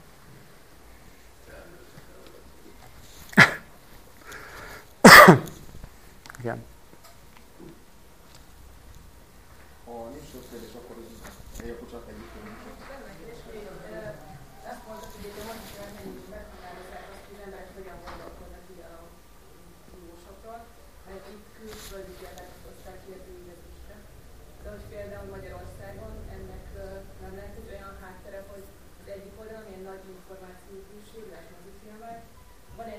Hogy? Az egyik oldalon egy információbőség a mozifilmek kapcsán, egyfajta átdományos, és a másik oldalon meg van egy óriási információhiány. Tehát, hogy igazából nem feltétlenül tudnak, mondjuk az átlag magyar ember nem tud arról, hogy valójában tényleg egy egyik típusú filmnek nincs, nincs róla semmifajta forrásra. Hogy? Ez nagyon korlátozott. Tehát, hogy ez is okoz egy ilyen erre próbáltam utalni akkor, amikor itt a végén a, a régészet viszonyulásáról, vagy viszonyás formáiról szóltam időszöke miatt nagyon röviden, hogy, hogy ugye a párbeszédet folytatni kell, elkezdeni és folytatni kell. Ennek egy része pedig pontosan az, ugye, hogy, hogy ismerjük meg, hogy a nagy közönség hogyan vélekedik, de ugye azt a vákumot, amire te utalsz, azt ki kell tölteni. A párbeszéd akkor párbeszéd, hogyha mindkét fél kommunikál abba az irányba, és az azt jelenti, hogy, hogy azt a fajta űrt, amit mondjuk az ismerét terjesztő irodalom terén tátong, vagy akár, de nem kell odáig menni, könyvekig menni, programok, kiáltások, stb. Ezeket be kell tölteni. Ez, ez egyfajta szakmai felelősség, és, és, és mondjuk úgy, hogy adósság. Igen, persze, teljesen egyetértek veled, és igazat adok neked, igen. De ez egyébként azt hiszem, hogy majdnem mindenre igaz. Ugye itt volt például, említette az előbb a, ugye a, a, székely rovásírást, ugye volt szerencsém közé tenni, majd most jön a harmadiknál készrészletben a, a bosnyák piramisokról egy terjedelmesebb tanulmányt, ahol szintén előkerült ez a dolog, biztos itt is előkerült, a, amikor erről volt szó előadáson. De itt ugye egyébként megint csak a, onnan eredt az, hogy ennyire túlburjánzóak lettek ezek a, a nagyon furcsa elképzelések arról, hogy vagy, vagy hogy mik is kapcsolódnak, és, és egyáltalán milyen kronológiai dimenziói vannak ennek az egésznek, ennek az írásnak, és milyen célra szolgálás, műveltás, stb. stb. stb. Hogy, hogy alapvetően egy alulkutatott és a közvélemény felé egy alul reprezentált kutatási terület. És nem véletlenül szerveztek ugye a közelmúltban konferenciát, ahol végre úgymond a két polarizált álláspontnak a képviselői leültek, és előadások formájában, de végül végeredményben beszéltek egymással. Azt meg majd az idő eldönti meg a sikerrel. Persze, megegyeztek abban, hogy folytatni kell. Mint általában szokott. De az, az, az, az, az, telje, az teljesen világos képlet, minden, minden szempontból világos képlet, mert hogy maga ott kezdődik, hogy nincs piramis. Tehát. De mondom, akit érdekel egyébként a... természetesen, hú, na akkor, akkor újabb másfél órát töltenénk itt, ebben nem megyek bele, de, de, de a, a tényleg.com-on tényleg már két, mondom, két teljesebb része ennek megjelent, azt bátran ajánlom a figyelmükbe, mert az volt a kérés, hogy mennyi, hogy amilyen részletesen csak lehet, pontosan azért, hogy legyen meggyőzés hitelt érdemlő, de írjam már le, hogy mi a gond ezzel. Hát megpróbáltam. Aztán majd önök eldöntik, hogy sikerült-e. Elképzelhető, hogy majd visszajövünk a, a, ezzel a idézetek felajánlásra, és a sokkal majd elhívunk valamikor. Viszont hadd kitérek vissza Jó. a filmekre, illetőleg az ismeretterjesztő irodalomra. Van-e kérdés, mert utána rátettem magam az előadóra? Másodszor van egy tudod, igazából itt a régészek mindig negatív szerepet megtalálnak valamit, és akkor abból rossz keletkezik az ő számára is, a mi számunkra is esetleg. Most akkor... Nem csak, ez csak egy azok közül, az aspektusok közül. Hát ugye itt volt például a, a ugye olyan sokszor hivatkoztam az Indiana Jones-ra, de tényleg emblematikus, legalábbis az első film, az elveszett Frigyláda. Ugye ott tulajdonképpen pontosan arról van szó, hogy illetéktelen kezektől és egy gonosz célú felhasználástól menti meg ezt a becses erekét. Amikor már az ember megkönnyebbülne, ugye akkor jön a záró képsor, amikor tolják be abba a hatalmas nagy hangárba, egy lezárt és lepecsételt faládába csomagolva körülbelül 53 millió hasonló láda közé azt az erekét, és rejtik el mindörökre az avatatlan szemek elől. De ott van a második Indiana Jones film, ahol ugye Indiában játszódik, és ahol tulajdonképpen azoknak a mágikus köveknek, amik, amiket egy, egy falunak a szentélyéből rabolnak el, alja célból, azok, azokat miután a főhős visszaszerzi, még csak nem is a múzeumnak, hanem, hanem annak a közösségnek visszajuttatja, tehát jogos tulajdonosoknak. Szóval ez nem egészen lehet fekete-fehér megkülönböztetéssel élni a régész szerepét tekintve. És ugye az, a, az is, ez a kérdés az is hozzátartozik, hogy maguk a film készítői egy kicsikét más, másképp szemlélik ezt, a, ezt az egész karaktert, mint ahogyan mi tekintünk rá. És ugye általában a, a régész ilyenkor a, a, a film írójának, készítőjének, illetőleg a, a, a, annak a fiktív karakternek a, az összességéből e, kerül összegyúrásra. Szóval e, a saját nézetek, meg a filmkészítő nézetei ötvöződnek ezekben a karakterekben, Éppen ezért bizonyos helyzetekben ez kifejezetten negatív, bizonyos helyzetekben akkor is lehet pozitív, hogyha mondjuk egy szakmabeli szemmel nézve az mégsem feltétlenül az. Mert például valahonnan elhozni egy műtárgyat, és aztán utána megfelelő pénz ellenében egy múzeumban elhelyezni, az ugye morál, mi szempontból morálisan kifogásolható, míg lehet, hogy a filmkészítői órákon keresztül tapsolták magukat, hogy mennyire erényesen és milyen jó példát mutatva jártak el, igen, és milyen pozitív üzenetet közvetítettek.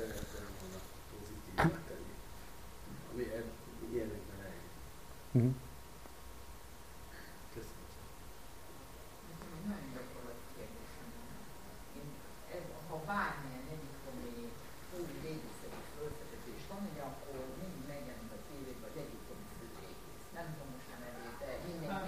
Zahi havat szokták, igen. Igen. igen. Mindig, minden, egyre jobban szárolják, tehát szerintem a világ minden pontján is Így van. Szerintem gondolom, hogy bármilyen nációi csoport van ott, a felfedezést akkor is ő fogja a világ felé kommunikálni. Jó gondolom? Jó gondolom. Hát már nem, de ami hivatalban volt, igen. Most megvan az utód fáraó ebből a szempontból. Igen. Mindegy, de szóval igen, gyakorlatilag Hogyan jön az, tehát rengeteg nálunk jóval nagyobb nemzet van, ahol gondolom sokkal több pénz jut arra, hogy egyiptológusokat képezzenek meg, hogy mindenféle. Tehát Magyarországon képeznek évente nem tudom, egy, két, három, nem tudom hány évet, fizet rengeteget, akkor szóval nagyon sokat, ahhoz képest amennyi piramis mondjuk nálunk van, vagy tehát ilyen egyiptomi oda kerülni, akkor hogyan kap egy magyar kutatócsoport vagy régészcsoport ásatási területet, utána az, hogyan zajlik az egyáltalán az együttműködés mondjuk egy ilyen egyiptomi főrégésszel, meg ugye az ottani... Hát én ezt a saját bőrömön nem csak megtapasztaltam, hanem megszenvedtem.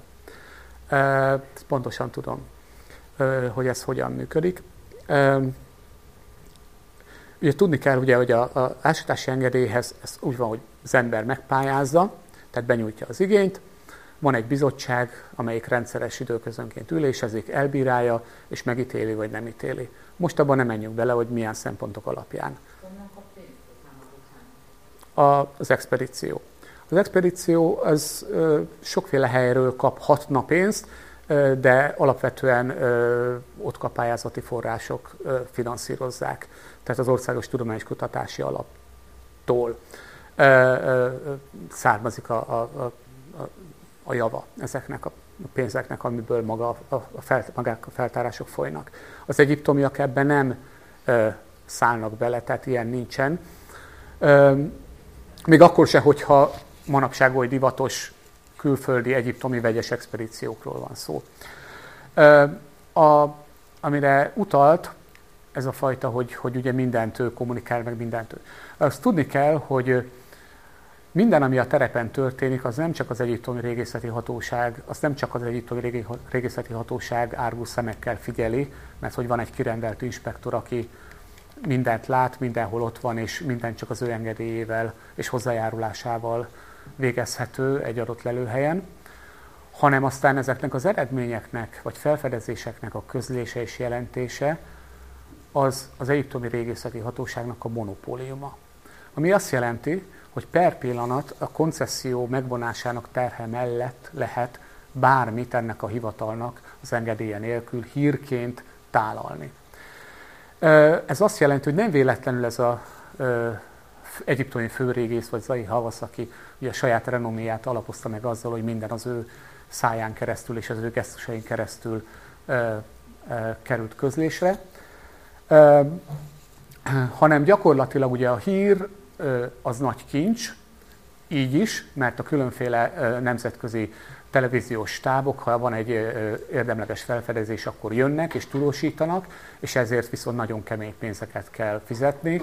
Tehát például konkrétan ott, ahol a, én az ásatást végeztem, ott annak a ottani tudósításért, forgatásért percenként 5000 dollárt kértek. Tehát ez egy horribilis összeg, hogyha belegondolnak és kiszámolják.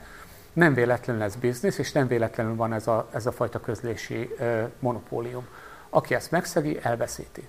Na most ennek van ám egy olyan olvasata, vagy egy olyan, olyan hátulütője is, hogy például okáért mi 2009-ben tettünk egy olyan felfedezést, ami, ami viszonylag nagyobb hordájai volt, és, és felcsigázta a szakmát.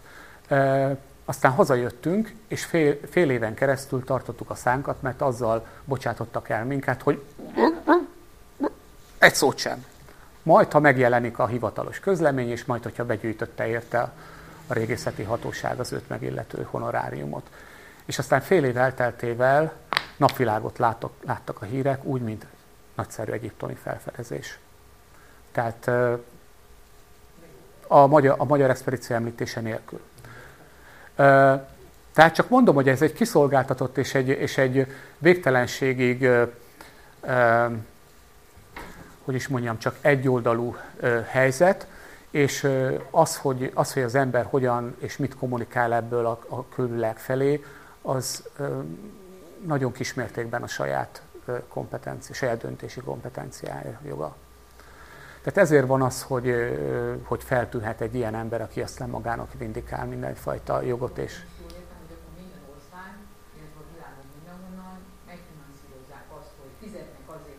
Igen. Igen. Igen. majd utána az egyiptomiak jönnek, és akkor azt mondják, hogy és akkor mi föltártuk. Hát az a bal szerencsésebb eset, hogyha azt mondják, hogy ők tárták fel.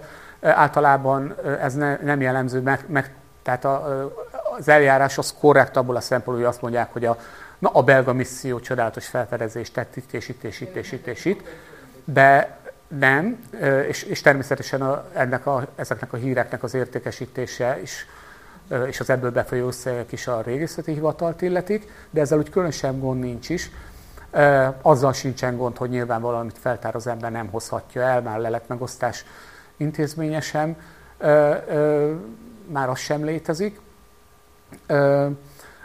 A gond az tulajdonképpen máshol van, de, de, de miután ugye gyakorlatilag egyip, az egyiptológiai oldalról is nagyon sok propagátora van annak, hogy ne essen a, ez a tudomány abba, hogy rásütik a, az orientalizmus, méghozzá abban az értelemben, abban a pejoratív értelemben, ahogyan Edward Said ugye írta abba a monográfiájában, írt róla, tehát hogy a, ahol a nyugat gyámkodása a kelet fölött, hogy ezt, ezt próbálják a gyakorlatba átültetni, vagy hogy ilyen neokoloni, neokolonialista attitűdöt képviselnek, hogy majd mi régészkedünk, mert ti még képesek se vagytok erre. Szóval nehogy véletlenül ilyen színezete legyen a dolognak, ezért egyrészt ezek ellen, a túlkapások ellen fellépés nincs, nem is lehet. Másrészt, másrészt van is egyfajta jogalapja ennek az attitűdnek, szóval ez egy nagyon komplex és egy nagyon labilis helyzet, ami néha ilyen furcsaságokat eredményezhet, hál' Istennek nem jellemző, de hogy egyébként ez mennyire szigorú szabályok között folyik, az mi sem mutatja, hogy nincsen két hete, hogy egy balul elsütött tudósítás miatt egy amerikai egyetemnek úgy, ahogy van, 8 év után visszavonták a koncesszióját, méghozzá minden különösebb teketória az ő meghallgatásuk nélkül, egy tolvonással. Pedig, pedig nagy valószínűséggel egy félreértésről volt szó, egy régebbi ö, ö, leleteknek, egy régebben fel, évek feltárt leleteknek egy, egy újságírói félreértésen alapuló és rossz ö, magyarázata szenzációként jelent meg, vagy úgy vették át a különböző hírügynökségek, és azt mondták az egytől régészeti hatóság, hogy őket nem érdekli, őket az érdekli, a következmény érdekli, ami helyzet előállt, és azonnali hatállyal megvonták. Tehát nagyon kicsi a mozgástér. Ez van. Nincs mit.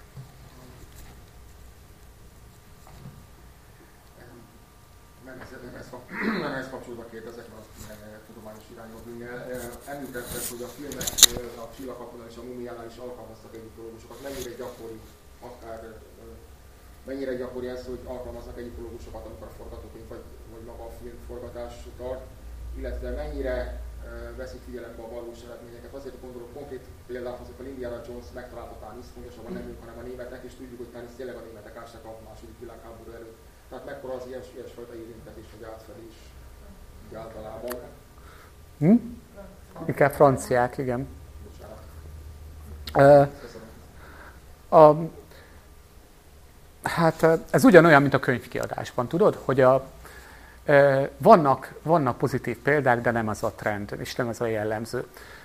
A könyvkiadásban ez nagyon egyszerű a dolog, ugye az, hogy borzalmas fordításai jelennek meg egyébként nagyszerű irodalmaknak, kapitális hibákkal, mert régebben létezett, és ez nem volt annyira nagyon régi, hát én nem vagyok egy, egy matuzsálem, de még, de még engem is foglalkoztattak kiadók azzal, hogy lektoráljak bizonyos könyveket, amiket a tárgykörben kiadtak, és néha a legjobb fordítói munka mellett is, hát természetszerűleg talál benne az ember, amivel jobbá, pontosabbá teheti. Most ez ugye, ez a, ez a gyakorlat, ez megszűnt, mert értelemszerűen ugye először is ahogyan fogyott a büdzsé, ahogyan vágták meg a büdzsét, hát az első dolog, hogy ettől váltak meg.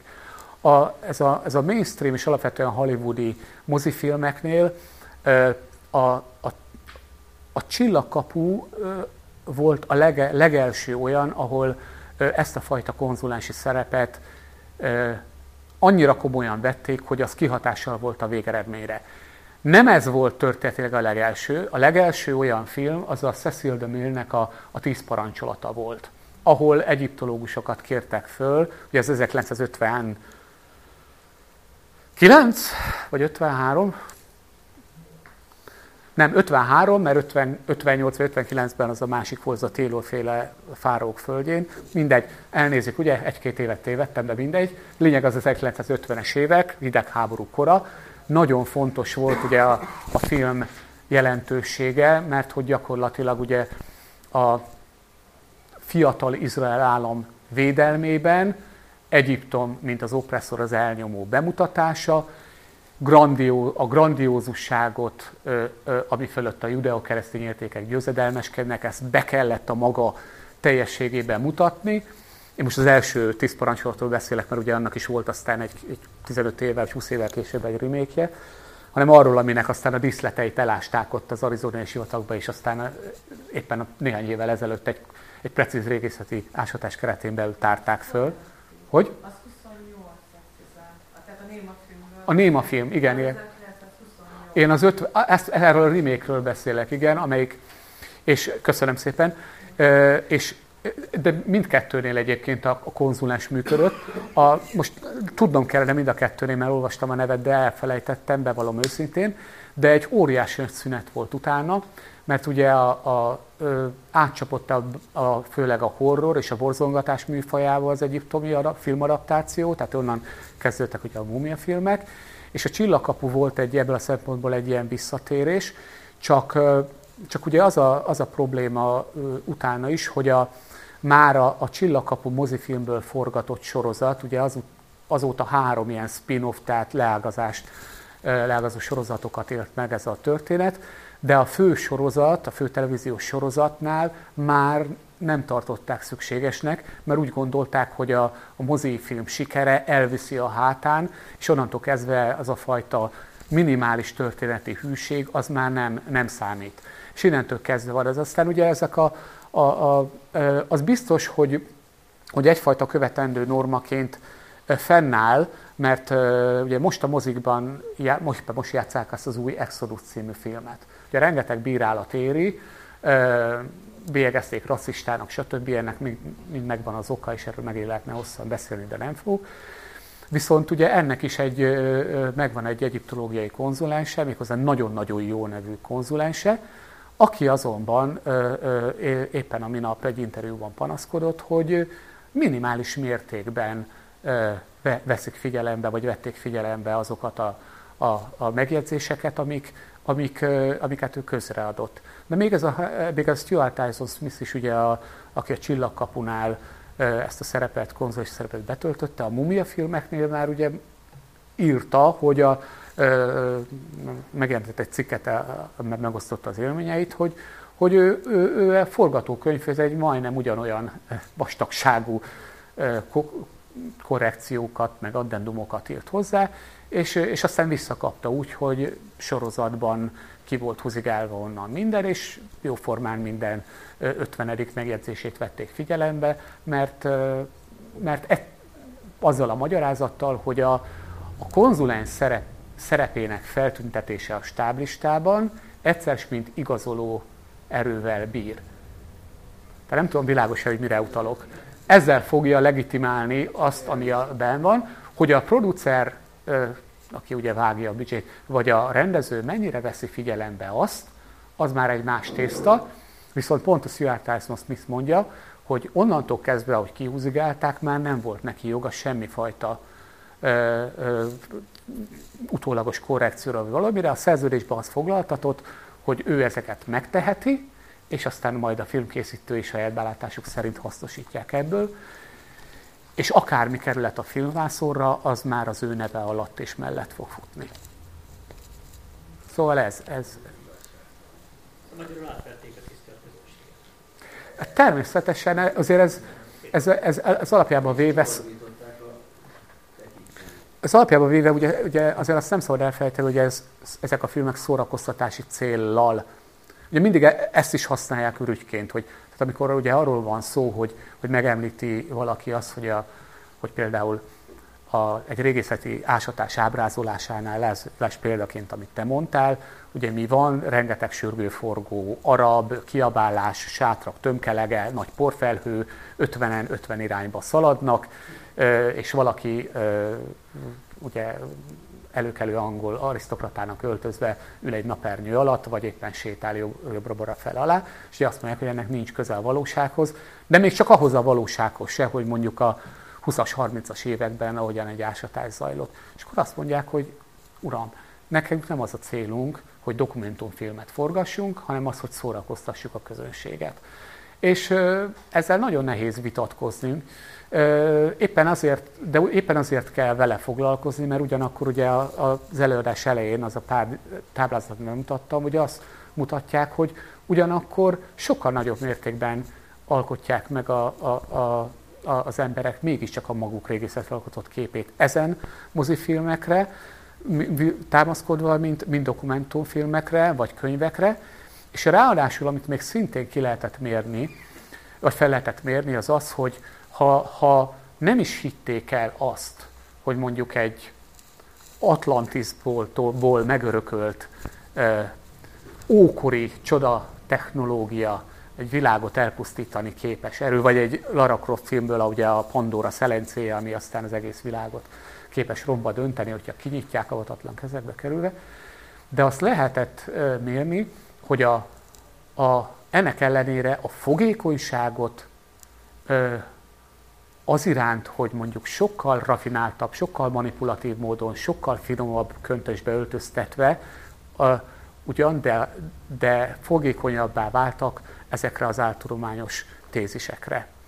Szóval azt a fajta fogékonyságot, nyitottságot, ezt elősegítik ezek a filmek, ez, ez mérhető és kimutatható.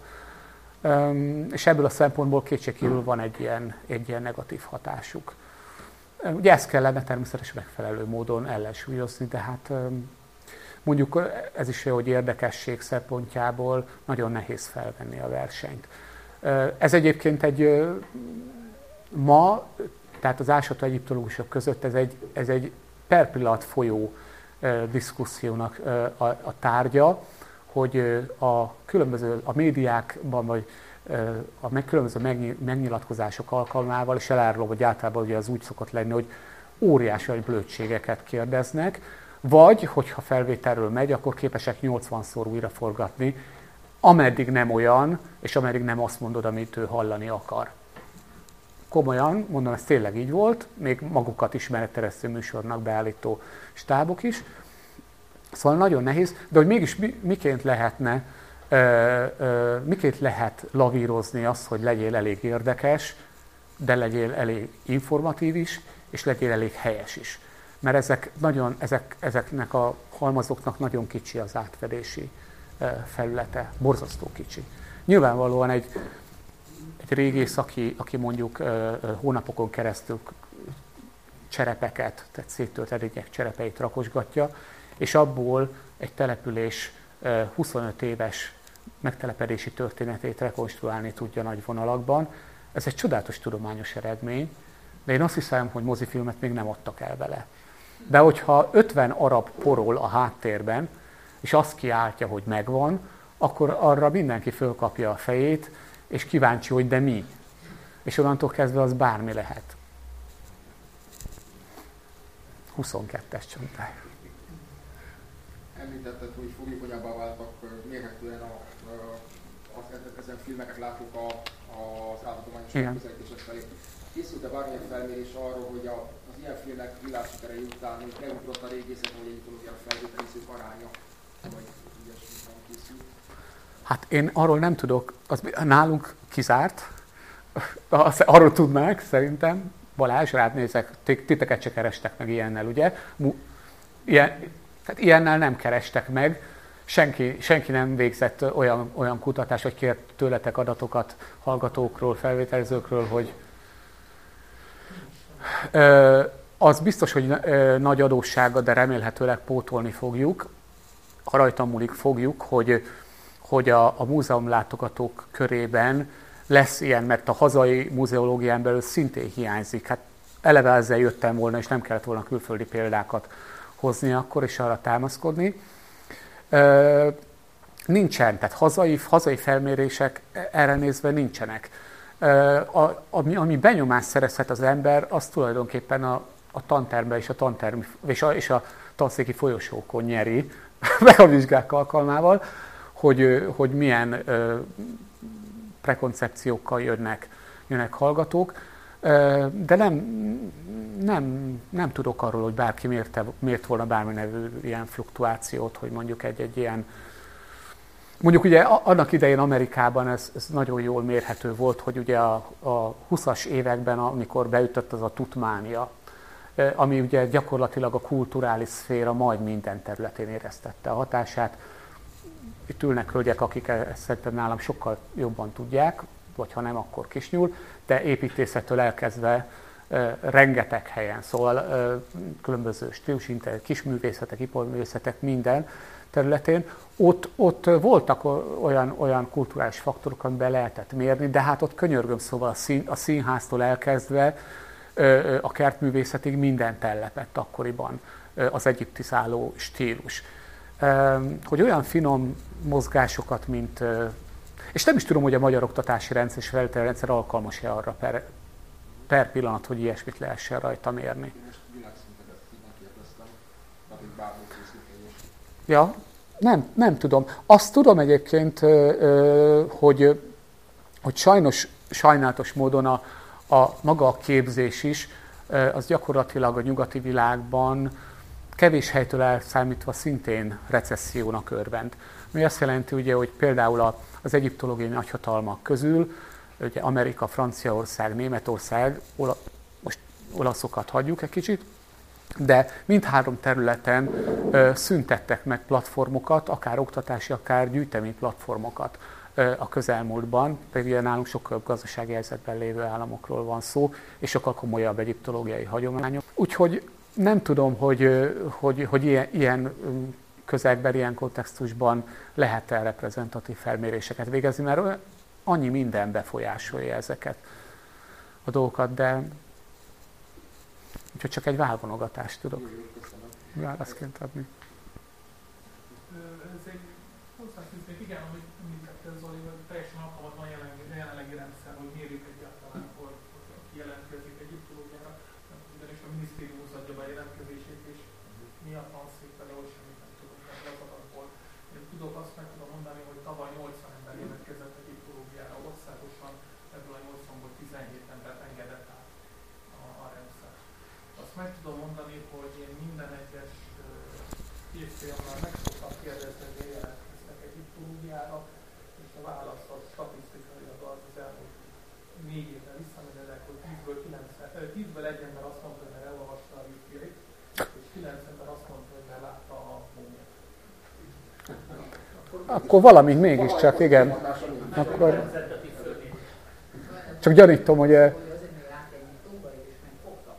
Ö, o- Olyan egy volt az elmúlt négy évben, olyan egy Ez nem már is válasz nekem. ö, én egyszer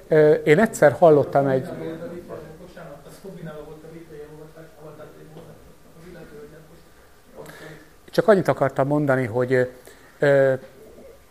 azért is említettem annál a résznél, hogy azért van egyfajta ilyen, ilyen álszentség a, a, abban, ahogyan egyiptológusok hajlamosak ehhez a populáris imidzshez, régész imidzshez, vagy egyiptológus imidzshez viszonyulni, mert tudom, hogy nagyon sokunkban valahol él az a bizonyos gyermeki én, amit adott pillanatban valami megérintett. Tehát például ugye per pillanat a, a, ma a, az egyiptológia tanszéknek vezetője, dr. Bás Tamás, ő egy interjúban be is vallotta azt, hogy természetesen annak idején őt is meg arról kérdezték, hogy hát nem, őt nem nyűgözi le az ilyen grandiózus építmény, mint a gízai piramis, hogy de természetesen ez a maga idejében akkor igen, ez igenis hatást gyakorolt rá, ezen nincs mit se szépíteni, se tagadni, egyáltalában nem szégyen, igen, ennek meg volt a varázsa, ez egészen biztosan szerepet játszik akkor, mikor az ember elköteleződik ez iránt a pálya iránt, mert hát szerintem, aki manapság a ókorkutatásra adja a fejét, az, az szóval ott azért valami diliflepni van, mert, mert, mert nem kifejezetten a karrier szakmák és a jól jövedelmező foglalkozások közé tartozik, és, és egyéb dolgok, de, de szóval nagyon, nagyon sokunk életében biztos, hogy megvan az a bizonyos dolog. Én azt sem vitatom el, hogy, hogy azok közül, akik azt a magyarázatot adják, hogy, hogy, hogy motivációt ilyen filmekből nyernek, ösztönző erőt, ahhoz, hogy mondjuk egy képzés során az akadályokat aztán átugorják, hogy, hogy tudják, hogy, hogy mihez, hogy, hogy mit miért csinálnak, hogy, hogy ez feltétlenül ugye rosszat jelent, és hogy, a, hogy, a, hogy azok, akik így jönnek ide, azokból már biztos, hogy nem lesz semmi. De ez biztos, hogy nem kizárók. Az a kérdés, ugye, hogy ezen a ponton ő túl tud elépni, mert valójában ugye onnan különböz, azt különbözteti meg, vagy itt húzódik a határvonal az érdeklődő laikus, meg a hobbi régész, meg a hobbi egyiptológus, és a szakember között.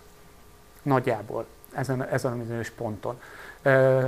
És ugye ez a bizonyos limináris, az átfedési zóna az, ahol, szóval én még olyan egyiptológust, aki azokat a körülményeket vá, aki, amik ott kint az emberre ilyenkor várnak, szóval azt kellő elkötelezettség és, és ahogyan mondtam, némi nemű beütés nélkül vállalja, én olyat még nem láttam. Biztos, hogy kell ahhoz, hogy, hogy az ember rezonáljon azzal a, azzal a világgal, ami, ami ott kint Egyiptomba fogadja. És ez mennyire úgy van, amikor életemben először jártam Egyiptomba, és kiderült, hogy a, ott azért nem egészen úgy mennek a dolgok, mint ahogy uti, mondjuk az 1960-as években íródott úti könyvben olvastam, akkor az akkori kulturális tanácsos megnyugtatott, hogy pár évvel korábban jártott egy, arab, egy arabista, ösztöndíjas, akivel leszállt a gép Kairóban, ott még a repteret se hagyta el, kultúrsokkot kapott, nem is volt hajlandó a tranzitból kilépni onnantól kezdve, és azt a, nem is tudom, akkoriban még két vagy három napot éjszakát, azt ott töltötte el, amíg a visszaforduló, a Budapestre visszamenő járatra föl nem tudták pakolni. Tehát biztos, hogy kell, kell egyfajta ilyen segítsetek, mi, minek ez? Nem csak fanatizmus, hanem, hanem ez, a, ez a fajta tényleg együtt rezgés ezzel, a, ezzel, a, ezzel az egész ö, ö, mai Egyiptommal, és türelem, és a többi, és a többi, de, de az is kell. És azt is, és mondom, szóval ilyen, ilyen, ilyen ásatási nap után sörözgetések, esti sörözgetések, hiszen mondjuk nyilván hogy olyan baromi sok szórakozási lehetőség nincsen az ember számára egy ásatási szezon kellős közepén. Szóval az ottani beszélgetésekből világosan kiderül, hogy ezért ez egy általánosan bevett dolog, hogy valaki valami, valamit ebből a, ebből a kicsit triviálisnak is nevezhető lángból biztos, hogy hordoz magába. Valamitől szeretni kell ezt, ezt az egészet. És egyébként a, a, a bármennyire is ugye lehet itt ö, megfelelő kritikával élni, és kell is ezen filmek iránt, én, én, még, én még a mai napig nem találkoztam olyan egyiptológussal, és ezt komolyan mondom, biztos van, csak én nem találkoztam statisztikai alapon össze olyannal, aki ne látta volna az összeset elejétől a végéig többször, ne tudna idézni belőle bármikor, az elejétől a végéig, egészen biztosan. Szóval annyira rosszak azért nem lehetnek az ő szemükben is. Csak hát nyilvánvalóan a maga értékén kell kezelni. Hm? Ez a kép ez reprezentatív? Tehát ezt csinálják a ez, ez teljesen reprezentatív. Ez, ez, teljesen, ez teljesen reprezentatív. Ezt a képet azért tettem ki. Ez a, az egyiptológia tanszék egyik tébai ásatását, ásatásán készült, és kimertem tenni, mert ez a egyebek között 168 órában elközölt interjú hoz is ezt mellékelték, tehát ez egy teljesen publikus felvétel. Egyébként Bás Tamás tanszékvezető urat ábrázolja kollégái körében. És ugye azért tettem ki, mert hogy ugye tudni kell, hogy Egyiptomban az ember, ugye Egyiptom nem csak abból a szempontból a, a másságnak a sztereotípiája, hogy a nyugatot szembeállítják kelettel, de ugye amikor az ember kint dolgozik, lehetőséget kap arra, hogy egy kicsit kilépjen abból a szerepkörből, amiben itthon nagyon sok minden belekényszeríti. És olyat, olyasmit is megtehet, amit egyébként itthon nem tehetne meg. És ezért nem ő az egyetlen, de mivel itt mégiscsak magyar előadás és magyar vonatkozás is van a dolognak, ugye egyike azoknak, aki nagyon előszeretettel öltözködik úgy, mint ahogyan mondjuk az Indiana Jones filmekből lehet látni. Úgyhogy ez igen, ott van a, ott van a tébai nekropolisban. Hozzáteszem, hogy ezzel gyakorlatilag ki is merült a, a, az azonosság vagy a hasonlóság. Mert ugye mind a, a régészeti feltárás menete, módszertana, az eredmények közlése, feldolgozás, stb. stb. Tehát ez mind ugye a filmen ábrázoltaktól teljesen eltérő módon történik. De egyébként ezzel a külsővel rengetegen mászkálnak. Tehát nem ő az egyetlen ebből a dolgból. És vannak ennél sokkal extrémebb megoldások is, még, még magyar vonatkozásban is. Szerintem mindenkinek megvan ilyenkor az a, az a lehetősége, hogy olyanná, olyan jelmezt tölt magára, amilyet szeret, vagy be kényelmesen érzi magát, de ha de gondolom, gondolom ö, amikor ez a cikk leközlésre került, akkor, akkor Bács Tamás is megkapta azt az ukázt, amit, amit annak idején jó magam is megkapta, és minden kolléga megkapott, hogy, hogy, hogy minek kell a képen lennie. Tehát olyasminek, ami, ami kifejezi azt, azt a romantikát, azt a, ami, ami, amit egyébként a filmekből jól ismerhetünk. De a Földet nem a régészeknek kell elhordani. Arra ott vannak. Hát, az a, hát, ja, ja, ja, hát igen, a, a, a, hát attól függ, ameddig elő nem kerül valami. Na szóval attól függ, hát a, na, persze nagy földmunkák, törmelék, stb. azok nem, hogy a régésznek, nem a régésznek kell, hanem nem is szabad. Tehát például Egyiptomban ez, ez úgy van, hogy, hogy ezekre a, a típusú munkákra, ami szakértelmet nem igényel, ezekre kötelező helyi munkásokat alkalmazni, mert ott ezeken a, ezeknek a... Természetes az 50 darab és a nagy porfelhő, teljesen rendben is van, ami ki nem merül ebbe a, a dolog, mert, mert bárki kimehet 50 arabbal egy kis baksis fejében, és csapat egy nagy porfelhőt, de attól az még nem lesz. Nem azt teszi a régészeti feltárás régészeti feltárássá. A lelőhelyeket? Persze, persze. Hát... Én oda megyek 50 arabbal is. Nem, nem, nem, nem, nem, nem. Illetőleg hát ugye ennek az arab tavasznak az egyik szomorú hozadéka, ugye amióta Mubarak megbukott, és amióta nem nyer nem nyeri vissza az ország azt a társadalmi nyugalmat, ami előtte volt, és ezzel most nem azt mondom, hogy, a, hogy az a rezsim az helyes volt, ez egy tény megállapítás, hogy azóta fenekestől felfordult az ország, és ugye az egyik szektor az pont az örök, örökségvédelem volt, amelyik nagyon megsínylette, és nem csak pénzhiány tekintetében, persze az, turisták se jönnek, elapadt az egyik izé, hanem, hanem ugye gyakorlatilag abban a néhány hónapban, 2011 tavaszán az egyiptomi lelőhelyek a felmérések szerint, és nem csak a lelőhelyek, hanem a lelőhelyekről azok a központi raktárak, ahová mindig a lelő, adott lelőhelyről be kell szállítani a leleteket a szezon végén, ez mindig ki van jelölve itt regionálisan. Szóval azoknak a feltörésével, kirablásával, a lelőhelyeken folytatott szabadrablással, rablóásatásokkal, időnként a hadsereg aktív részvételével. Ugye ez óriási biznisz a lelőhelyek állapota az többet romlott, mint gyakorlatilag az utóbbi 50 év során mindenfajta környezeti és nem környezeti tényezőt együtt, együttvéve. Szóval ez, ez roppant elkeserítő dolog, és, és egészen biztos, hogy mondjuk egy száz évvel később megfelelő történeti perspektívából visszatekintő utódgeneráció ezt az egyiptomi archeológia sötét korszakának fogja nevezni, ami most per pillanatot zajlik. Korábban is voltak arra példák, hogy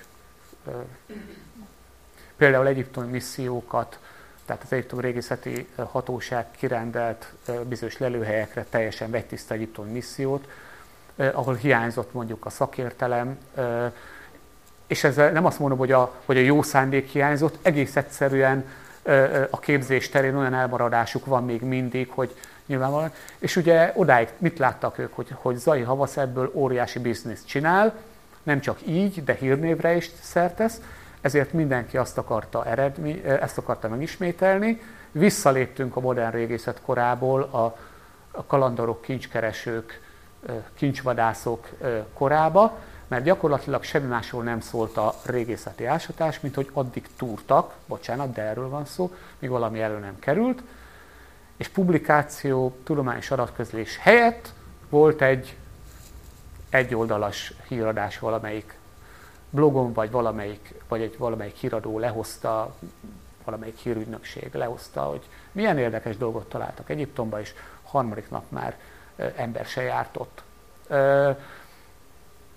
És hát voltak olyan lelőhelyek, ahol, ahol olyannyira ez a gondatlanság olyan fokot ért el, hogy nem csak levonult onnan a misszió, de le se zárták a lelőhelyet, és a későbbiekben aztán ö, ö, akkor tűnt fel, hogy gond van, amikor, amikor külföldi, egy jelesül egy olasz magángyűjteményben egy egész festett koporsó tűnt, tűnt fel, bukkant fel egyszer csak, aminek ugye az országból való kiviteléhez azért legalábbis barátok között is legalább három kormányzati szerv szoros összjátéka kellett, hogy ki mert ez nem olyan, hogy zoknémba kiviszek egy cserétdarabot, hanem azért egy koporsót kijutatni. Egy másik helyen pedig ugye akkor derült ki a disznóság, amikor a környező falvak kutyái hirtelenjében hatalmas mennyiségű csontra tettek szert, és kiderült, hogy akkor már hetek óta fosztogatták a, a, a nyitva hagyott, nyitva hagyott sírek, sírokat, és a sírokban hagyott emberi maradványokat. Szóval ilyen is van. Ez is, ez is az egyik oldala az egyiptomi műemlékvédelemnek.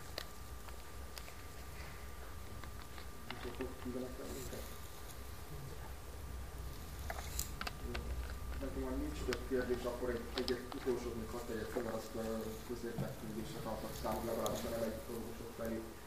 Említette te is, és említettük az egyiptológusok is a, a megfelelő ismeretterjesztő szakirodalomnak a hiányát. De tudnál esetleg mégis valami olyan ajánlani, ami a laikusok számára hiteles és közérthető, és magyarul elérhető ma, és egyiptomról szól.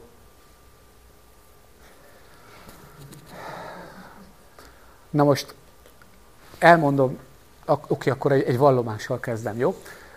Egyrészt a, a magyar szerzők, azok adósak. Tehát az a, az a nagybűrös helyzet, ezt, ezt, ezt ki kell, hogy mondjuk, hogy, hogy Kákosi professzor halálát követően, az ő nevét talán szélesebb körben ismerik, mert ő azért egy emblematikus alakja volt, és az ő munkásság és tudományszervezési tevékenysége azért ez egy mérföldkő a hazai ókorkutatásban és az egyiptológiában pedig hát vitathatatlan. És ő, ő, ő neki a munkái, az Egyedül vagy Varga Edittel közösen írt könyvei, azok, azok gyakorlatilag a, nagyon, nagyon sokunk számára a, az alapvető irodalmat jelentették. Még akkor is, hogyha, hogyha ezek bizonyos részleteikben ma már nem elavultak, vagy ilyesmi. Aztán ugye, tehát sajnos ez a fajta tevékenység ezzel az intenzitással nem, nem talált követőkre. Ezt pótolni kell. Ö, nem lenne ez gond, mert nagyszerű külföldi irodalmak vannak, amiket le lehet fordítani, le is fordították, és közre is adták. Ö, én az az igazság, hogy annál a pontnál, amikor egy nagyon-nagyon jó ö, és használható könyvet lefordítottak magyarra, majd közreadtak úgy, amiben a, a fordító egy rossz fordításnak köszönhetően ókor-egyiptomi kukoricatáblákról beszélt, akkor én ennél a pontnál föltettem a kezemet, és azt mondtam, hogy nem érdekelnek a, a, a magyar, irodal, magyar nyelven megjelentetett irodalmak.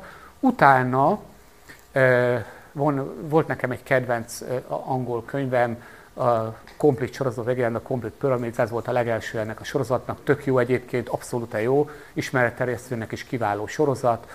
E, ugye megjelent magyarul a Alexandra kiadó gondozásában, a, ha jól emlékszem, a Piramisok nagykönyve címen, és akkoriban éppen az egyetemen tanítottam doktorandusz hallgatóként, és, és ö, szeminári dolgozatokat javítva bődületes marhaságokat ö, láttam vissza a dolgozatokból, és kiderült, hogy előszeretettel használták fel a dolgozat megírásakor ezt a könyvet, és ezek nem, csak, ezek nem tárgyi tévedések voltak, hanem olyan nyakatekert magyarban nem létező kifejezések, amelyek az igénytelenségnek valami olyan magas fokát érték el, hogy azt mondta, hogy ez, ez biztos, hogy nem jelent meg nyomtatásban. Megjelent. Nem csak, hogy megjelent, hanem, hanem, hanem olyan szinten jelent meg, hogy, hogy például az angol nyelvű ábrák feliratozásánál, ugye ahol az angol, rá van írva, hogy piramis, templom, följáró, stb., ahol, ahol magyar felirattal elfették, ugye a, tehát felülírták az angol eredetit, ja Istenem, az angol kicsit hosszabb volt, kilóg a magyar mögül. Tehát ez egy, ez egy olyan, olyan szerkesztői, szerintem szerkesztői igénytelenség, hogy az embernek egész egyszerűen elmegy az életkedve is. Úgyhogy én, én azóta, azóta azt, hogy egészen pontosan meg sem tudom mondani, hogy, hogy mi jelent meg magyarul, mert én akkor besz, tette egy fogalmat, hogy ezt beszüntetem, mert csak, csak, csak idegesítem magam miatta. A kiadók már továbbiakban ugye nem kértek föl ilyen munkára, a kollégától azt hallottam, hogy őket is egyre ritkábban. Megvenni nem tudom, tehát nagyon-nagyon beszükült a rálátásom, úgyhogy nem tudom. Ti ajánlatok valamit? Tudtok olyat mondani? Én mondanék egy valamit, ha megengedik. Nekem volt egy könyv, amiben annak idején, e, egy könyv, ami nekem rám akkora hatást tett, hogy, hogy egy teljesen önös érdekből lettem egyiptológus, pénzt akartam szerezni. Angol, egyip, angol egyip, biológia szakos tanár voltam. És, és azt mondták, hogy van egy szakkollégium, amelyik pénzt fizet, hogyha vállalsz, hogy írsz egy dolgozatot. OTDK-ra, tehát Országos Tudományos Diákori Konferenciára.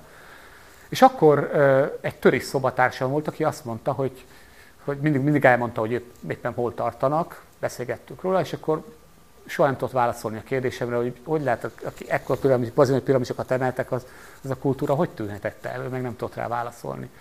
És akkor meg, megbeszéltem ott a, ott a főiskolán, hogy mi lenne, hogyha egy néhány ilyen kérdésnek utána olvasték, és akkor hát, ha lesz belőle valami.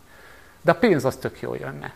És akkor rászántam egy nyarat, hogy akkor olvasok némi nemű dolgot, és marha nagy szerencsémre egy kiváló, tényleg remekül megírt ismeretterjesztő könyv került a kezembe, aminek ugyanaz volt a címe, hogy a felséges piramisok, és egy bizonyos Wojtek Zamarowski jegyzi, akit talán ismernek, mert ugye egy hajdani Csehszlovákia területén élő, de roppant népszerű, ismeretterjesztő író volt. Így nagybetűvel. Tehát ő nem egyiptológus volt, nem klasszika archeológus, semmi ezek egyebe. Ő kiváló populáris író volt, nagyszerű érzékkel és felkészültséggel, hogy, hogy értő módon tolmácsoljon dolgot, és a könyveiben mindig jóval több mindenről szó esett. Például erről a, erről a könyv, ebben a könyvben nem csak a piramisokról, hanem az egyiptomi történelmi és kultúrának egy eléggé átfogó képét adta, és valami olyan jó ízű és olyan, olyan ö, találó ö, módon, hogy, hogy egy gyakorlatilag beleszeretni egy pillanatműve volt. És ez mennyire nem egy egyedi jelenség, utóbb kiderült, hogy ezzel a könyvvel nem csak én jártam így.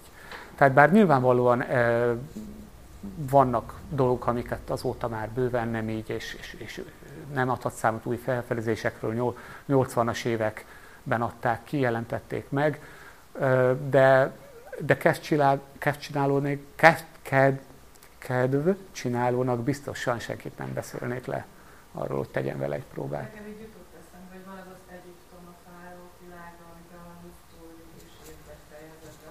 Tehát az is magyar. Nem ismerem a magyar kiadását. Igen, van, van, valóban. Láttam, igen, hogy megjelent. Ilyen nagyon vastag tényleg, és az, az horror. Tehát az, az is magyar nyelvű, és viszonylag új. Meg hát régiben a művészet kezdetei, de az nagyon régi, 90-es évek nem tudom kapható, meg a Véniktől a, a nő, az ókoréritől, az is.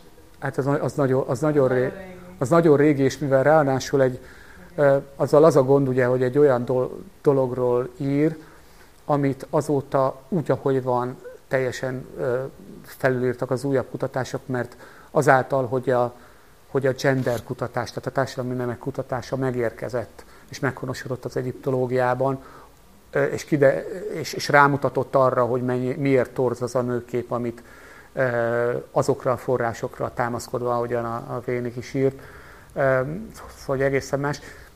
Meg ugye félig meddig az, az, az album is. Tehát ugye egyik fele egy ilyen, a, a hátsó fele meg egy ilyen gazdag képi illusztrációs album.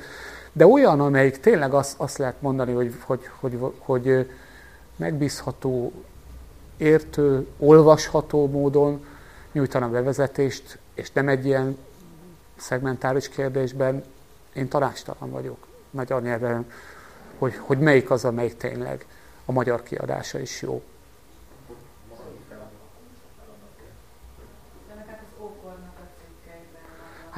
Igen, az jó mondjuk, igen. Tehát ugye azok, azok meg ugye általában milyen tematikus igen. dolgok, amik... Szóval tényleg azok, igen, azok nagyon jók, valóban, meg nagyon érdekesek is. Te tudod azt, hogy ezt mennyire olvassa a szakmán és ezen kívül más? Nem, nem tudom, de nincsenek illúziói. Uh-huh. Pedig jó.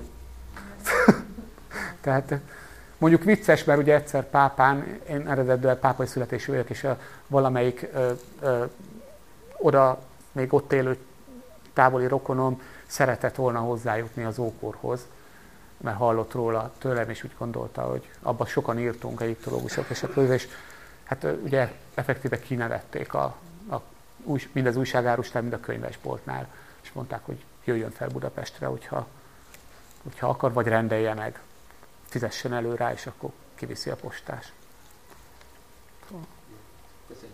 Én köszönöm szépen!